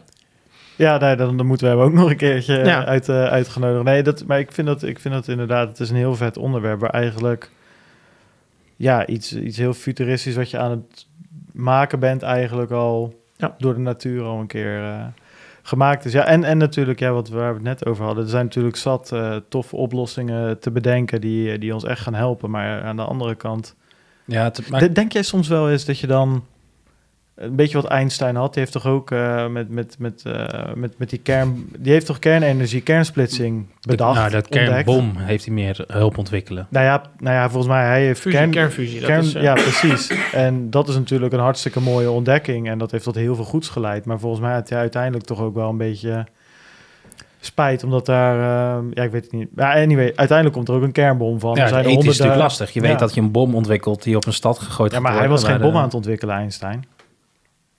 Einstein heeft gewoon die theorie ontdekt. Volgens mij, hij was actief. Hij was gevlucht uit Duitsland. Oh, echt? Volgens mij ook. Uh, actief uh, gevlucht en heeft daaraan bijgedragen in Amerika. Nou, dan ga ik dat even opzoeken. Maar, maar in ieder geval, de vraag is zeg maar, hè, in dit specifieke geval met die, met, met die zwermen uh, en, en, en, en die blockchain, ben je dan niet... Is dat ooit eens door je hoofd gegaan, zeg maar? Dat je denkt van, nou ja, dit, dit is heel tof, maar dit kan misschien ook wel voor iets In gebruikt worden wat ik helemaal niet uh, Ja. zo tof vind eigenlijk. Nou, waar wij ons op een gegeven moment zorgen over maakten. We, we gingen op zoek naar partners die interesse, interesse, geïnteresseerd in waren. FBI. En toen kwamen we zo heel gauw ja, terecht bij, uh, bij grote of bij space agencies. Dus we wilden Ja. eerst gaan kijken hoe we het op satellieten konden toepassen. Maar ja, je komt ook heel erg uh, snel ter, terecht bij uh, bijvoorbeeld de BAA Systems of Northrop Grumman of weet ik wel dat soort of Lockheed Martin. En die bouwen allemaal uh, raketten, maar ook autonomous systems. En unmanned systems. En voor unmanned systems is dit research vlak super interessant. En toen begonnen we ook een beetje te twijfelen. Ja, waar zou dit dan voor gebruikt kunnen worden? Is dat dan wel iets waar we voor staan? Ja, Nou, ik snap het wel. Gewoon, ja, zo'n raketschilden of weet ik veel. Of inderdaad raketten die weten straks helemaal waar ze zijn op basis van dit soort technologie. Ja, goed, je hebt het niet in de hand, hè. Want uh, Nee. blockchain zal een techniek zijn onderliggend. Maar het gaat natuurlijk wel heel eng die kant op. En ook met surveillance. Als straks allemaal drones met elkaar aan het praten zijn... die uh, weten wat ik ben en wat ik doe. Ja. Ik weet niet welke film ik toen pas ook had gekeken. Was dat ook zo? Hellboy, maar daar begon Ja, je gisteren over. Dat, begon, dat, dat, was, dat anders, was ook alweer een maand terug dan. Dat- ja. dat is wel iets anders inderdaad. Maar dat was ook inderdaad drones die alles volgden. En ook gewoon op camera dan weten Ja. wie jij bent. Ja, dat, dat zijn natuurlijk wel de futuristische, wat engere dingen aan, aan technologie. En in het algemeen, hè. dat is natuurlijk niet de, de schuld van blockchain. Dat is veel meer... nee, dat is veel en algemener. Gewoon, Ja. Of het nou AI of blockchain of iets anders is. Ik denk dat het algemeen... eh, we hebben natuurlijk vorige maand gezien dat eh, Microsoft nu in OpenAI een, een miljard stopt. Zo, ja. Ja, waarom doen ze dat? Is omdat ze het ethisch ook willen afdekken dat er ethisch ontwikkeld, eh, AI ontwikkeld wordt. Ja, of ze dat met die miljard gaan eh, bewerkstelligen, weet ik niet. Ehm, maar ja, dat is wel goed dat in ieder geval dat soort bedrijven daar wel voor openstaan. En eh, ja, en wat was gisteren nog, voor, of uh, vorige maand op, uh, op BNR, dat iemand had onderzoek gedaan naar de witwaspraktijken in Bitcoin. En de witwaspraktijken in onze huidige economie. Nou, daar kwamen ze volgens mij op een cijfer dat nog ineens nog ineens zo dichtbij kwam dan, dan, dan we überhaupt zouden denken. Het was maar volgens mij een, een 3% van, van uh, bitcoin. Daar wordt misschien wat in wit gewassen. In vergelijking tot de triljoenen die worden wit gewassen in onze huidige monetaire systeem. En daar kan je ook naar nadenken. Heel veel mensen hebben ons ook wel eens de vraag gesteld van... ja, als je dan een bitcoin of ethereum iets ontwikkelt... dan kan iedereen en ook alles maar van alles doen. Ja, weet je, op het internet kan ook iedereen alles doen. Ja. Dus ja, wat, wat, ja, wat voor standpunt neem je daar dan in? Ik vind dat zelf nog best wel lastig. Um, Ja, mensen zullen toch altijd een overheden, of, of eh, als je technologie of iets wil misbruiken, dan kan dat. Maar je moet, ik, ja, ik ga ook graag uit van het goede, wat je er allemaal wel mee kunt. Ja, exact. En uh, ja, soms brengt het ook uh, niet fijne dingen helaas, wat helemaal niet aan het voor, ja, kunnen overzien op het moment. Nee. Maar dat is wel, ja, het maakt het wel ehm, ja, super interessant. En die futuristische films, je ziet toch heel vaak dat ook heel veel dingen waar we dan nu over dromen, dat dat Ja. dan in die end ook toch op zekere hoogte eh, eh, Gebeurt. gebeurd is. Ja, of sommige dingen helemaal niet. Dat ook. Ja, Ik weet niet, eh, het, het hele ding was volgens mij... Als je, soms van die, van, die, van die prenten, zo heette dat toen nog. Eh, Prenten? Oh, welk jaartal gaan we nu terug? 1900 of zo. Nee, maar je had natuurlijk... Het is heel grappig om te zien hoe mensen zich dan de toekomst voorstellen. Ook in 1970 had je dat natuurlijk eh, Ja, ja, ook. ja. En daar... Sommige dingen heel erg, zijn wel heel erg gebeurd. Zij het op een iets andere manier. Dat ze van die grote tv's hadden. En, en dat je dan met elkaar over het... Ja, internet natuurlijk niet. Maar dat je wel met andere mensen aan de andere kant van de wereld moest kon praten. Maar dan hadden ze helemaal niet bedacht dat die tv's... Dat kunnen ze ook helemaal niet. Maar hadden ze dus die tv's, die zagen er wel uit alsof ze uit 1960 kwamen. Maar je kon wel dan met elkaar praten met iemand uit de andere kant van de wereld. Je had nooit bedacht dat die dingen plat zouden worden bijvoorbeeld. Zeg maar dat kan je ook helemaal niet bedenken. Want je kan nu ook niet bedenken hoe dat er later eh, over, vanaf nu over 100 jaar uit komt te zien. Maar Maar wat ze dus heel erg hadden op dat moment was toch het vliegende auto ding. En dat, heb ik, dat is nog tot nu toe in ieder geval nooit helemaal van de grond gekomen. Ja, daar zit ook weer specifiek een, eh, voor mijn gevoel, een vette use case voor, voor blockchain. Airbus heeft een paper geschreven over eh, de future of unmanned eh, systems. Ja, En nu krijg je centrale, ehm, heb je centrale aanmeldpunten. Dus dat is hier bij Schiphol heb je gewoon centrale aanmeldpunten. Ik ga Ja. landen. En op het moment dat je drones krijgt, krijg vliegende auto's en dat soort zaken, moet je eigenlijk ook kijken naar een meer de- de- decentraal georganiseerd aanmeldsysteem. Ehm, en routes die in, in de lucht waar je aan kan aanmelden. En eh, daar zijn ook use cases die worden verkend met blockchain. Dus ook die Ja. authenticatie wederom weer. En dan Ja. eh, om, om die airspace te kunnen beheersen. Ehm, dat is ook wel heel, heel gaaf. ja, Maar nog terug op je ethische puntje. Kijk, heel veel mensen, ik denk dat we al te laat zijn. Want als je kijkt naar, naar China bijvoorbeeld. Ja. eh, het, ik denk dat het een heel bekend voorbeeld is. Dus iemand, weet je, het is een heel bekend eh, voorbeeld dat heel veel gebruikt wordt. Maar ja, dat, daar gebeurt het gewoon. Weet je, je hebt er gewoon een scoring system, je hebt er gewoon een reputation system, je wordt er gewoon op biometrie, gewoon op basis daarvan word je ge- gevolgd. Eh, en ook als toerist en ook als je het niet wil, Ja. je loopt gewoon op straat en je, bent gewoon in, je zit gewoon in het systeem, punt. En wat doe je eraan? Helemaal niks. En ik denk dat dat wel dat, dat, dat zorgwekkender is dan dat bijvoorbeeld Microsoft nu zegt van ja, ik stop een miljard in eh, OpenAI. Want ja, die, Ja, nee, daar hebben we daar hebben we toevallig wel, wel de laatste tijd wel vaker over, eh, over gehad. En het, ja, kijk, aan de ene kant is het natuurlijk heel eng als, zo'n, als, als de staat dat doet. Eh, als die alles van je weten. En dat willen we in het Westen toch, toch in ieder geval geloven dat dat bij ons niet zo is, of in ieder geval minder. Ehm, maar ja, die scoring systems, hè, in hoeverre hebben we die niet ook hetzelfde bij onze grote corporates? Dus dan is het een beetje de vraag van, ja, oké, dan doet de staat het niet, maar dan doet eh, een grote techgigant dat wel. Eh, in, in hoeverre zijn wij elkaar niet sociaal aan het scoren bij ehm, onze Google-recensies, om een voorbeeld te geven, of Uber, eh, of eBay. Hè, als ik op eBay, of nou ja, voor, heel veel ondernemers, weet je wel, is echt als iemand eh, vanuit het niets een 1 sterren review geeft, kan best wel een flinke impact hebben. Dus ja, en als je er maar genoeg krijgt, dan komt niemand meer naar je restaurantje toe. En, en ik snap wel dat daar, dat daar eh, verschillen liggen met dat de staat alles eh, kan zien en kan volgen. Maar en het kan heeft wel verbinden. en kan verbinden. Maar het, het- ja, het heeft ook wel ergens ehm, ook wel raakvlakken. En die zien we denk ik soms wat, ehm, wat minder wat dat betreft. En ik vond hem wel interessant. Ik hoorde het laatst op een andere, andere Amerikaanse podcast was dat. Ging het over genetische eh, manipulatie van, eh, van mensen in principe. En, en kinderen, of in ieder geval baby's dus, embryo's. En daar is het nu heel erg dat natuurlijk het Westen is allemaal wat meer... ehm, kan de staat daar wat minder makkelijk zomaar wat doen. Omdat er regels zijn, wetgeving en dat er bepaalde instituten zijn die de staat er ook aan kunnen houden, zeg maar. Maar het schijnt dus dat China daar al volop mee bezig is. En die hebben zich, ja, weet ik veel, die zullen vast wel ergens een, een of ander kinderkamp hebben of zo, waar ze naar hartelust een beetje kunnen experimenteren. In ieder geval veel meer dan dat westerse landen dat kunnen.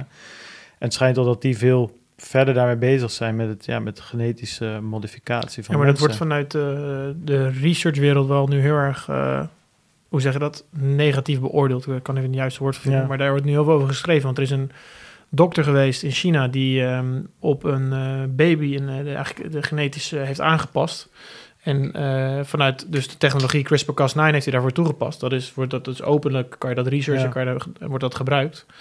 Alleen, ehm, ja, wa- wat, voor wereld gaan we dan in? Stel, zou, dat, zou je dat dan goed vinden als China daarmee aan het experimenteren is? Dat zou betekenen dat hun eigenlijk... Je kan gewoon een baby kiezen die atletisch is, Ja, of die ja, slimmer precies. is. Of, en voor wie zou dat zijn? Dat zouden alleen maar voor mensen zijn die heel veel geld hebben. Ehm, Waarschijnlijk wel, ja. nou ja, waarschijnlijk. Ik denk gewoon dat dat zo is, want dat zal gewoon heel duur zijn. Ja, Dat, dat, kan je, dat, ga, je- dat ga je niet voor, eh, voor de prijs doen van de, voor de middenklasse. Nee. Of misschien zelfs de onderklasse. Dus eh, ik hoop dat de Chinezen op een gegeven moment zichzelf ook wel beseffen is van... oké, wat voor wereld willen we creëren? Willen we één ras, één ding creëren... waar gewoon helemaal de beste mensen uitkomen? Nee, ja, dat zijn, dat, eh, dat, zijn, dat zijn enorme ethische dilemma's. En dat is heel eng bijna om daarover, eh, heel interessant ook, heel fascinerend om daarover te filosoferen. Alleen, ehm, ja, even vanuit, vanuit overheidsperspectief eh, gezien. Ja, weet je, daarmee kan je dus wel de hegemonie van eh, in ieder geval Amerika, maar in mindere Ja. mate Europa, Rusland. Ja, weet je, als jij een, een of ander Chinees superras kan creëren met atletische, snelle, s- super slimme eh, ehm, eh, mensen daar.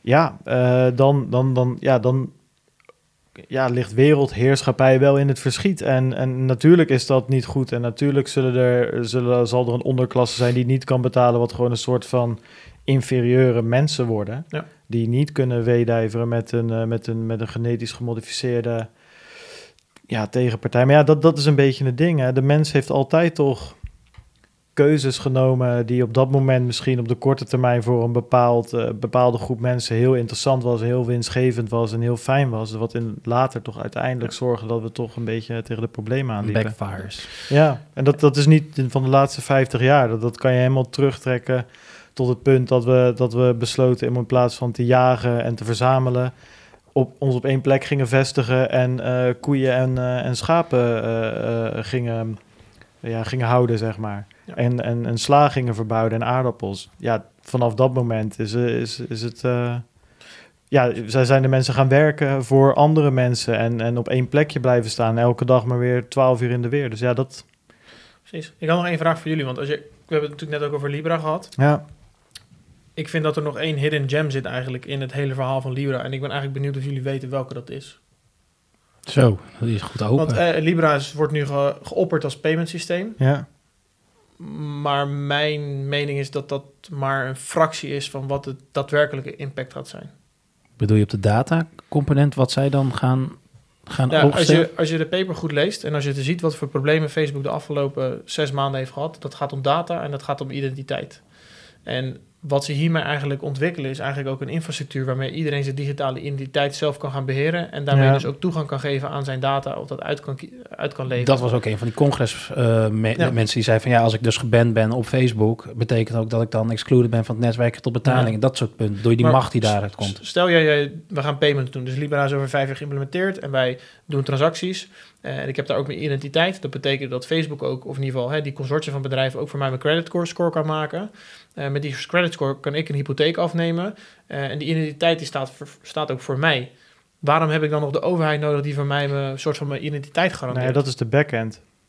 Hier hebben we het inderdaad eh, ook wel eens over gehad. Ehm, kijk, de dollar is ook niet opeens weg met Libra. Nee, Maar het hele payment gedeelte van de dollar wordt enigszins overbodig door Libra. Of in ieder geval, dat, dat zou een, een uitwerking kunnen zijn. Dus dat is een beetje eh, inderdaad met, met, met die tech-giganten. Is dat ze zeggen van, nou, weet je wat, overheid, wij gaan geen currency maken. Dat mogen jullie lekker blijven doen. Voorlopig in ieder geval. Maar eh, weet je, sla je slag, blijf lekker dollars drukken, euro's of doe het niet. Ja. Kijk maar wat je doet. Wij bouwen gewoon een systeem waar we genoeg dollars in de reserve flikkeren. En wij bouwen eigenlijk de front-end ehm, van zo'n currency. Dus het, het betalen ga je niet meer met, met dollars doen. Die lever je gewoon in bij Facebook, krijg je Libra's voor terug. En daarna kan je gewoon overal met die Libra's betalen. En daar hebben we het eerder ook over gehad. Hetzelfde use case zie ik eigenlijk wel vormen met identiteit. Dus natuurlijk de overheid die geeft een paspoort uit. Dat moet ook gewoon gebeuren. Maar Google of Facebook of whatever voor grote Mhm. partij, die eh, gaat gewoon, die doet één keer een super extensive KYC. Zet daarna, weet ik veel, een sterretje of een icoontje achter jouw Google-account. Mhm. En in plaats van dat je alleen maar dan kan inloggen op websites, kan je ook dat gebruiken om je te verificeren of uh, authenticeren bij een bank. Maar dat doet de overheid nu natuurlijk. En dat is denk ik waar je ook de Tobias een beetje Ja. heen gaat. Nu heeft de, de regering of de overheid daar het alleen recht op om een identiteit uit te geven. Eigenlijk, hè, je Ja, paspoort. en, maar ik denk dat Heb dat... je dat, eh, ja, maar dat, dat is nu. Maar eigenlijk als je, als je Facebook daar hebt en ze hebben de technologie, ja, waarin gaat dat dan ook een beetje brokkelen? Begin- hè, dus Die discussie begon van is Facebook geen bank? Maar eigenlijk ga je er een beetje naartoe, is, wordt Facebook geen overheid? Ja, nee, ja, nou ja, kijk, ik denk dat, dat ze met eh, bijvoorbeeld dat Google met G of met, eh, met die G Suite, zeg maar, met je Google-account, dat dat is al je online identiteit. Tuurlijk heb je Ja, maar- DigiD en dat soort dingen, maar dat is niet mijn. Daar doe ik niks mee, behalve één keer in het jaar inloggen. Maar ik, ik denk wel, kijk, het ding is, een hoe groot Facebook of Google of, of Amazon of whatever ook zijn, zij kunnen een overheid niet zomaar zeggen van wij gaan, nou misschien wel als ze te groot, maar dan ga je het even over hele andere dingen hebben. Als zij zo groot zijn dat ze een overheid omver kunnen werpen of whatever, dan, dan praat je gewoon over een soort van revolutie. Ja. Maar het gaat niet om de revolutie, het gaat om het aantal gebruikers. En als de Ja. mensen het gaan gebruiken, wat, wat, wat heeft de overheid dat dan tegen?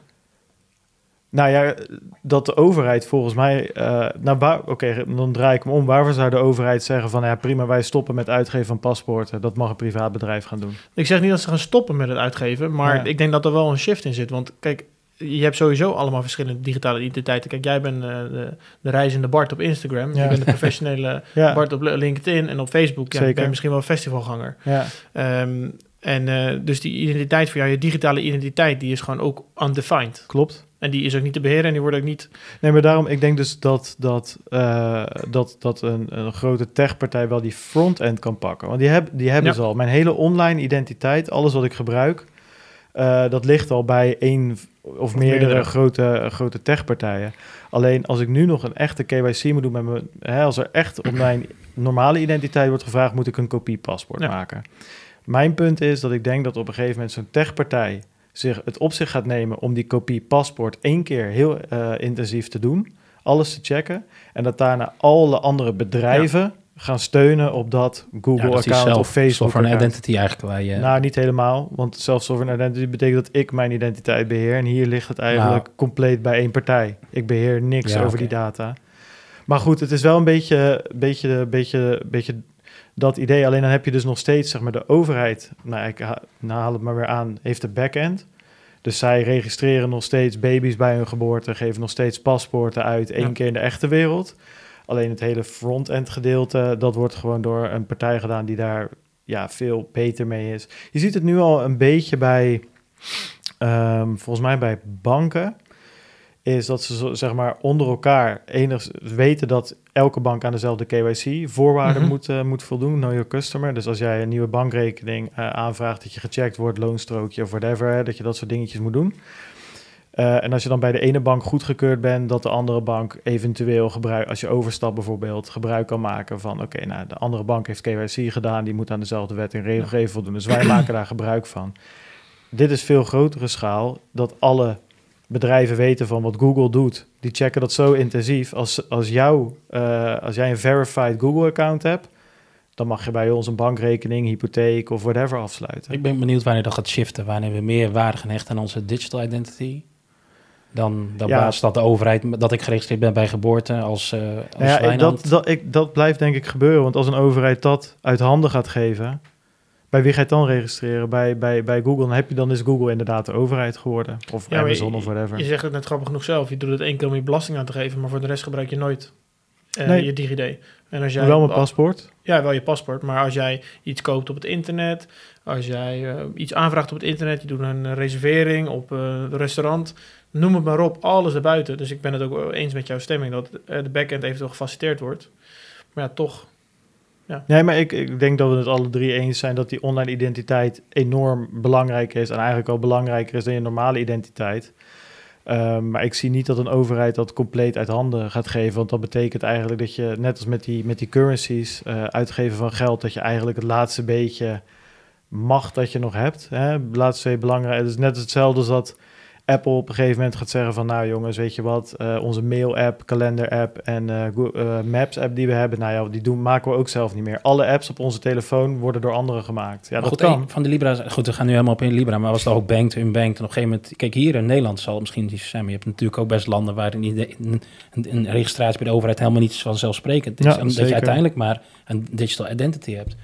En, en Ja, dan per definitie is het meer waard. Dus hier in Nederland kun je misschien niet voorstellen dat die macht weg bij de overheid gaat. Of dat je dat, die stap helemaal niet, ja, dat je die altijd moet maken. Dat is voor ons zo logisch. Iedereen heeft een paspoort van de ID-papieren.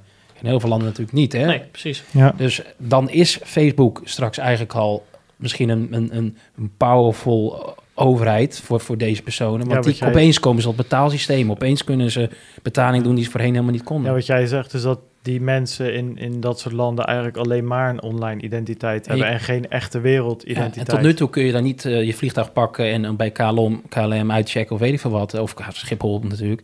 Ja, maar misschien kan dat straks wel als KLM een partner wordt van, of Schiphol Exact, een partner wordt. En ik, ik vlieg gewoon, Ja, dan kom je zonder, en dan kom je zonder paspoort eh, Europa in. ja, dat, tot, ja, maar hier- als- dan moet je, Ja, dat, dat me dus. dat is dus, dus dat is Ja. de bewerkende factor. Maar stel dat wordt toegelaten en wij accepteren het voor dat soort partijen. Kijk, uiteindelijk die mensen weer het ook helpen. En als dat een enige ID-papier is, dan, ja, dat hangt ook dus- er vanaf, want KLM heeft nu eh, met- in samenwerking met Canada, eh, dus die eh, eigenlijk pas, dat je zonder paspoort Ja. eigenlijk kan, Ja. kan, kan reizen. Dus je kan gewoon volgens je biometrische gegevens kan je het vliegtuig maar instappen. waar- dan, dan staat die link, staat nu waarschijnlijk wel, er, ergens moeten zij een keer een paspoortcheck hebben Exact. gedaan. En dat is hetzelfde zoals je bij Premium, Ja. ik weet niet of je Premium Ja, ja. kent, daar wordt... lounge voor mensen die eh, daar wat voor betalen per jaar, 250 euro of zo. Ja, klopt. Je krijgt dan een pasje en dan kan je gewoon echt super Ja. snel door vliegtuig, eh, vliegveld heen. En wat ze dat doen is dat ze eigenlijk je biometrische gegevens, dus je oog en Ja. zo. En ze doen één hele rigoureuze check van je paspoort. Ja. En dan kan je daarna gewoon door. Ja, en precies. En dat, die rigoureuze check van het paspoort, die je nu los bij Privium, Ja. los bij KLM, los bij de ING, los bij, waar word je nog meer gecheckt? Dus jij rijdt bij, eh, bij wat- waar, waar haal je je rijbewijs? Nou, bij die partij waar je, RDW inderdaad, waar je, waar je dat moet doen. Alles waar je nu één keer die check door zo'n partij moet doen, heb je dan Google, Amazon, Facebook, whatever, die één keer die rigoureuze check doet. En dan hoeft dat Privium het niet meer te doen. Precies. Maar Dat dan kan je daar gewoon met, jou, eh, met jouw Google of Apple account, hou je NFC er tegenaan of doe je vingerafdruk. ja, of niet whatever. eens, je loopt En- gewoon door omdat en- ze je ja, al kennen. Precies, en dan loop je gewoon door. En, en, en die slag, dus die centralisatie, dus het één keer KYC doen, daar zie ik een enorme, enorme kans voor dat soort bedrijven. Want mensen worden helemaal knettergek van dat ze elke keer kopiepaspoort, Ja. elke keer kopiepaspoort en bij alle verschillende bedrijven verschillende codes en DigiD, noem het maar op. Dus dat, ehm, dat zie ik wel gebeuren, uiteindelijk. Ja, eens even kijken. Wat, eh, dat is wel een leuke discussie natuurlijk. Zijn, ja, dan, zijn we, dan zijn we flink weer een paar afslagen van de, van de gebaande paden Dat was ook het idee, toch? Maar dat, dat maakt het altijd leuk. De, de vaste luisteraar, die, eh, die kent het wel. Ehm, ja, misschien is het dan nog leuk om als laatste even te kijken van... joh, eh, we hebben nu gehad over het het, ja, vanaf 2017 tot nu gegaan is. Wat jullie gedaan hebben, hoe jullie gegroeid zijn hè, van een aantal mensen naar 20 inmiddels. Ja, wat kunnen we nou de komende tijd van jullie verwachten? En de komende tijd, hoe, hoe lang is dat voor jou? Laten we, laten we zeggen komende jaar. Hè? Vanaf nu eh, tot een jaar. Wat, misschien is het ook wel leuk om het persoonlijk aan jou te vragen. Zeg maar, wat zou jij willen bereiken het komende jaar? Wat staat echt hoog op de verlanglijst? Ja, dat, dat, dat is meer gewoon eh, de, ons bedrijf intern eh, structureren. Zorgen dat, er, dat we het schaalbaar kunnen maken voor het jaar erop. We zitten nu in een, in een drietal hele grote pilottrajecten. Die eh, eh, vanaf september gaan starten en ongeveer negen maanden zullen gaan duren. Ja, Dus ja, van, vanaf buiten zul je niet zo heel erg veel van ons zien. eh, maar waarschijnlijk na die negen maanden wel. Dus voor ons is het nu gewoon veel meer een bedrijf eh, organiseren om het schaalbaar te laten worden. En ervoor te zorgen dat we onze klanten blij, laten, la- blij, blij maken met Ja. wat we bouwen. Als je zou vragen waar over drie tot vijf jaar. Kijk, onze visie is ehm, eh, dat wij eh, blockchain gebruiken voor het shapen van digital ecosystems. En wij willen over vijf jaar een ecosysteem hebben ontwikkeld wat een industrie heeft veranderd. ja, En dat is waar we naartoe willen in de aankomende vijf jaar. En dat is ook wat je van ons kan verwachten. Want ik denk ook zeker dat het ons gaat lukken om ook maar één specifieke industrie daadwerkelijk te gaan veranderen door het gebruik van deze technologie. nou ja, laten we volgend jaar weer afspreken dan. Is goed. dan, eh, Misschien dan in een zelfrijdende auto. Misschien in de zelfrijdende auto. Ja, ja, zeker. Inloggen met ons, eh, met ons Gmail-account of Google-account. Ja, ja, ja, ja. Nou ja, cool. Eh, leuk. Ehm, ja, thanks dat je wilde komen. Ja, ik, eh, ik, vond het een, eh, ik vond het een erg leuk gesprek. We hebben behoorlijk wat opgestoken. Als je als luisteraar denkt van, nou joh, ik vond het ook wel, wel tof, wil je wat meer van weten? Ga naar www.crya.io, dat is k-r griekse i h a.io. Ehm, ja, en als de website er nog eh, uitziet alsof die eh, uit 2018 is, dan eh, moet je nog heel even wachten. Dan komt de nieuwe binnenkort. Alsof het al heel oud is. Wel. September komt die... Dit is zo 2018, ja. Ja. Ehm, dus ga er even kijken, er staat van alles, staat van alles op. En straks nog veel meer. Ehm, eh, vind je deze podcast leuk? Join dan onze Telegram groep. Volg ons op Twitter. De links kan je vinden op www.satosiradio.nl. En je kan ons op diverse manieren eh, steunen. En ook deze link eh, vind je op de website. Wijnand, nou, ik vind het nog niet zo heel warm eigenlijk hier. Van. Ik ben, het, ik eh, ben verbaasd. Ik zat, mijn rug staat waarschijnlijk vol met zweet. in het, maar begon dacht, in het begin dacht ik wel even van nu... eh Ja, tot die deur even dicht ging. he- Heating, Ja. heating up, maar... eh, het, nee, ik ben prettig verbaasd. Misschien heb je het niet koud zelfs, Tobias. nee, ik had aan het begin best wel warm. Ja. Maar ik ben nu alweer redelijk afgekoeld.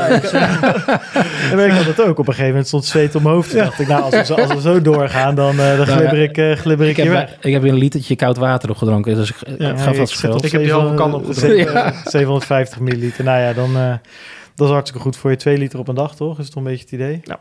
Nou, dan komen we aardig, eh komen een aardig eind. Eh, Nou, nu meer. Maar voor die andere discussie. Ja, nu, nu nog meer. Nou ja, dan vanavond voor het slapen gaan nog maar eentje. Wijnand, thanks. Ehm, nou ja, volgende week zijn we er weer met weer een special. Die Zo. we- ja, ja, ja, ja, ook weer een hele leuke. Ik kan alvast verklappen dat het een gast is die we al eerder in de studio Ja, maar je hebt wel echt eh, mooie, mooie verhalen ondertussen natuurlijk, hè? Dus dat wordt... een, Die gast bedoel je? Ja, ja. Een Ja, cliffhanger van... eh, Ja, die heeft zeker mooie verhalen. ja, die heeft van alles meegemaakt het afgelopen, het afgelopen jaar. Dus dat, dat wordt hartstikke leuk. Ehm, ja, voor de rest, nou ja, Wijnand, thanks. Jullie bedankt voor het luisteren en graag tot volgende week. Adios.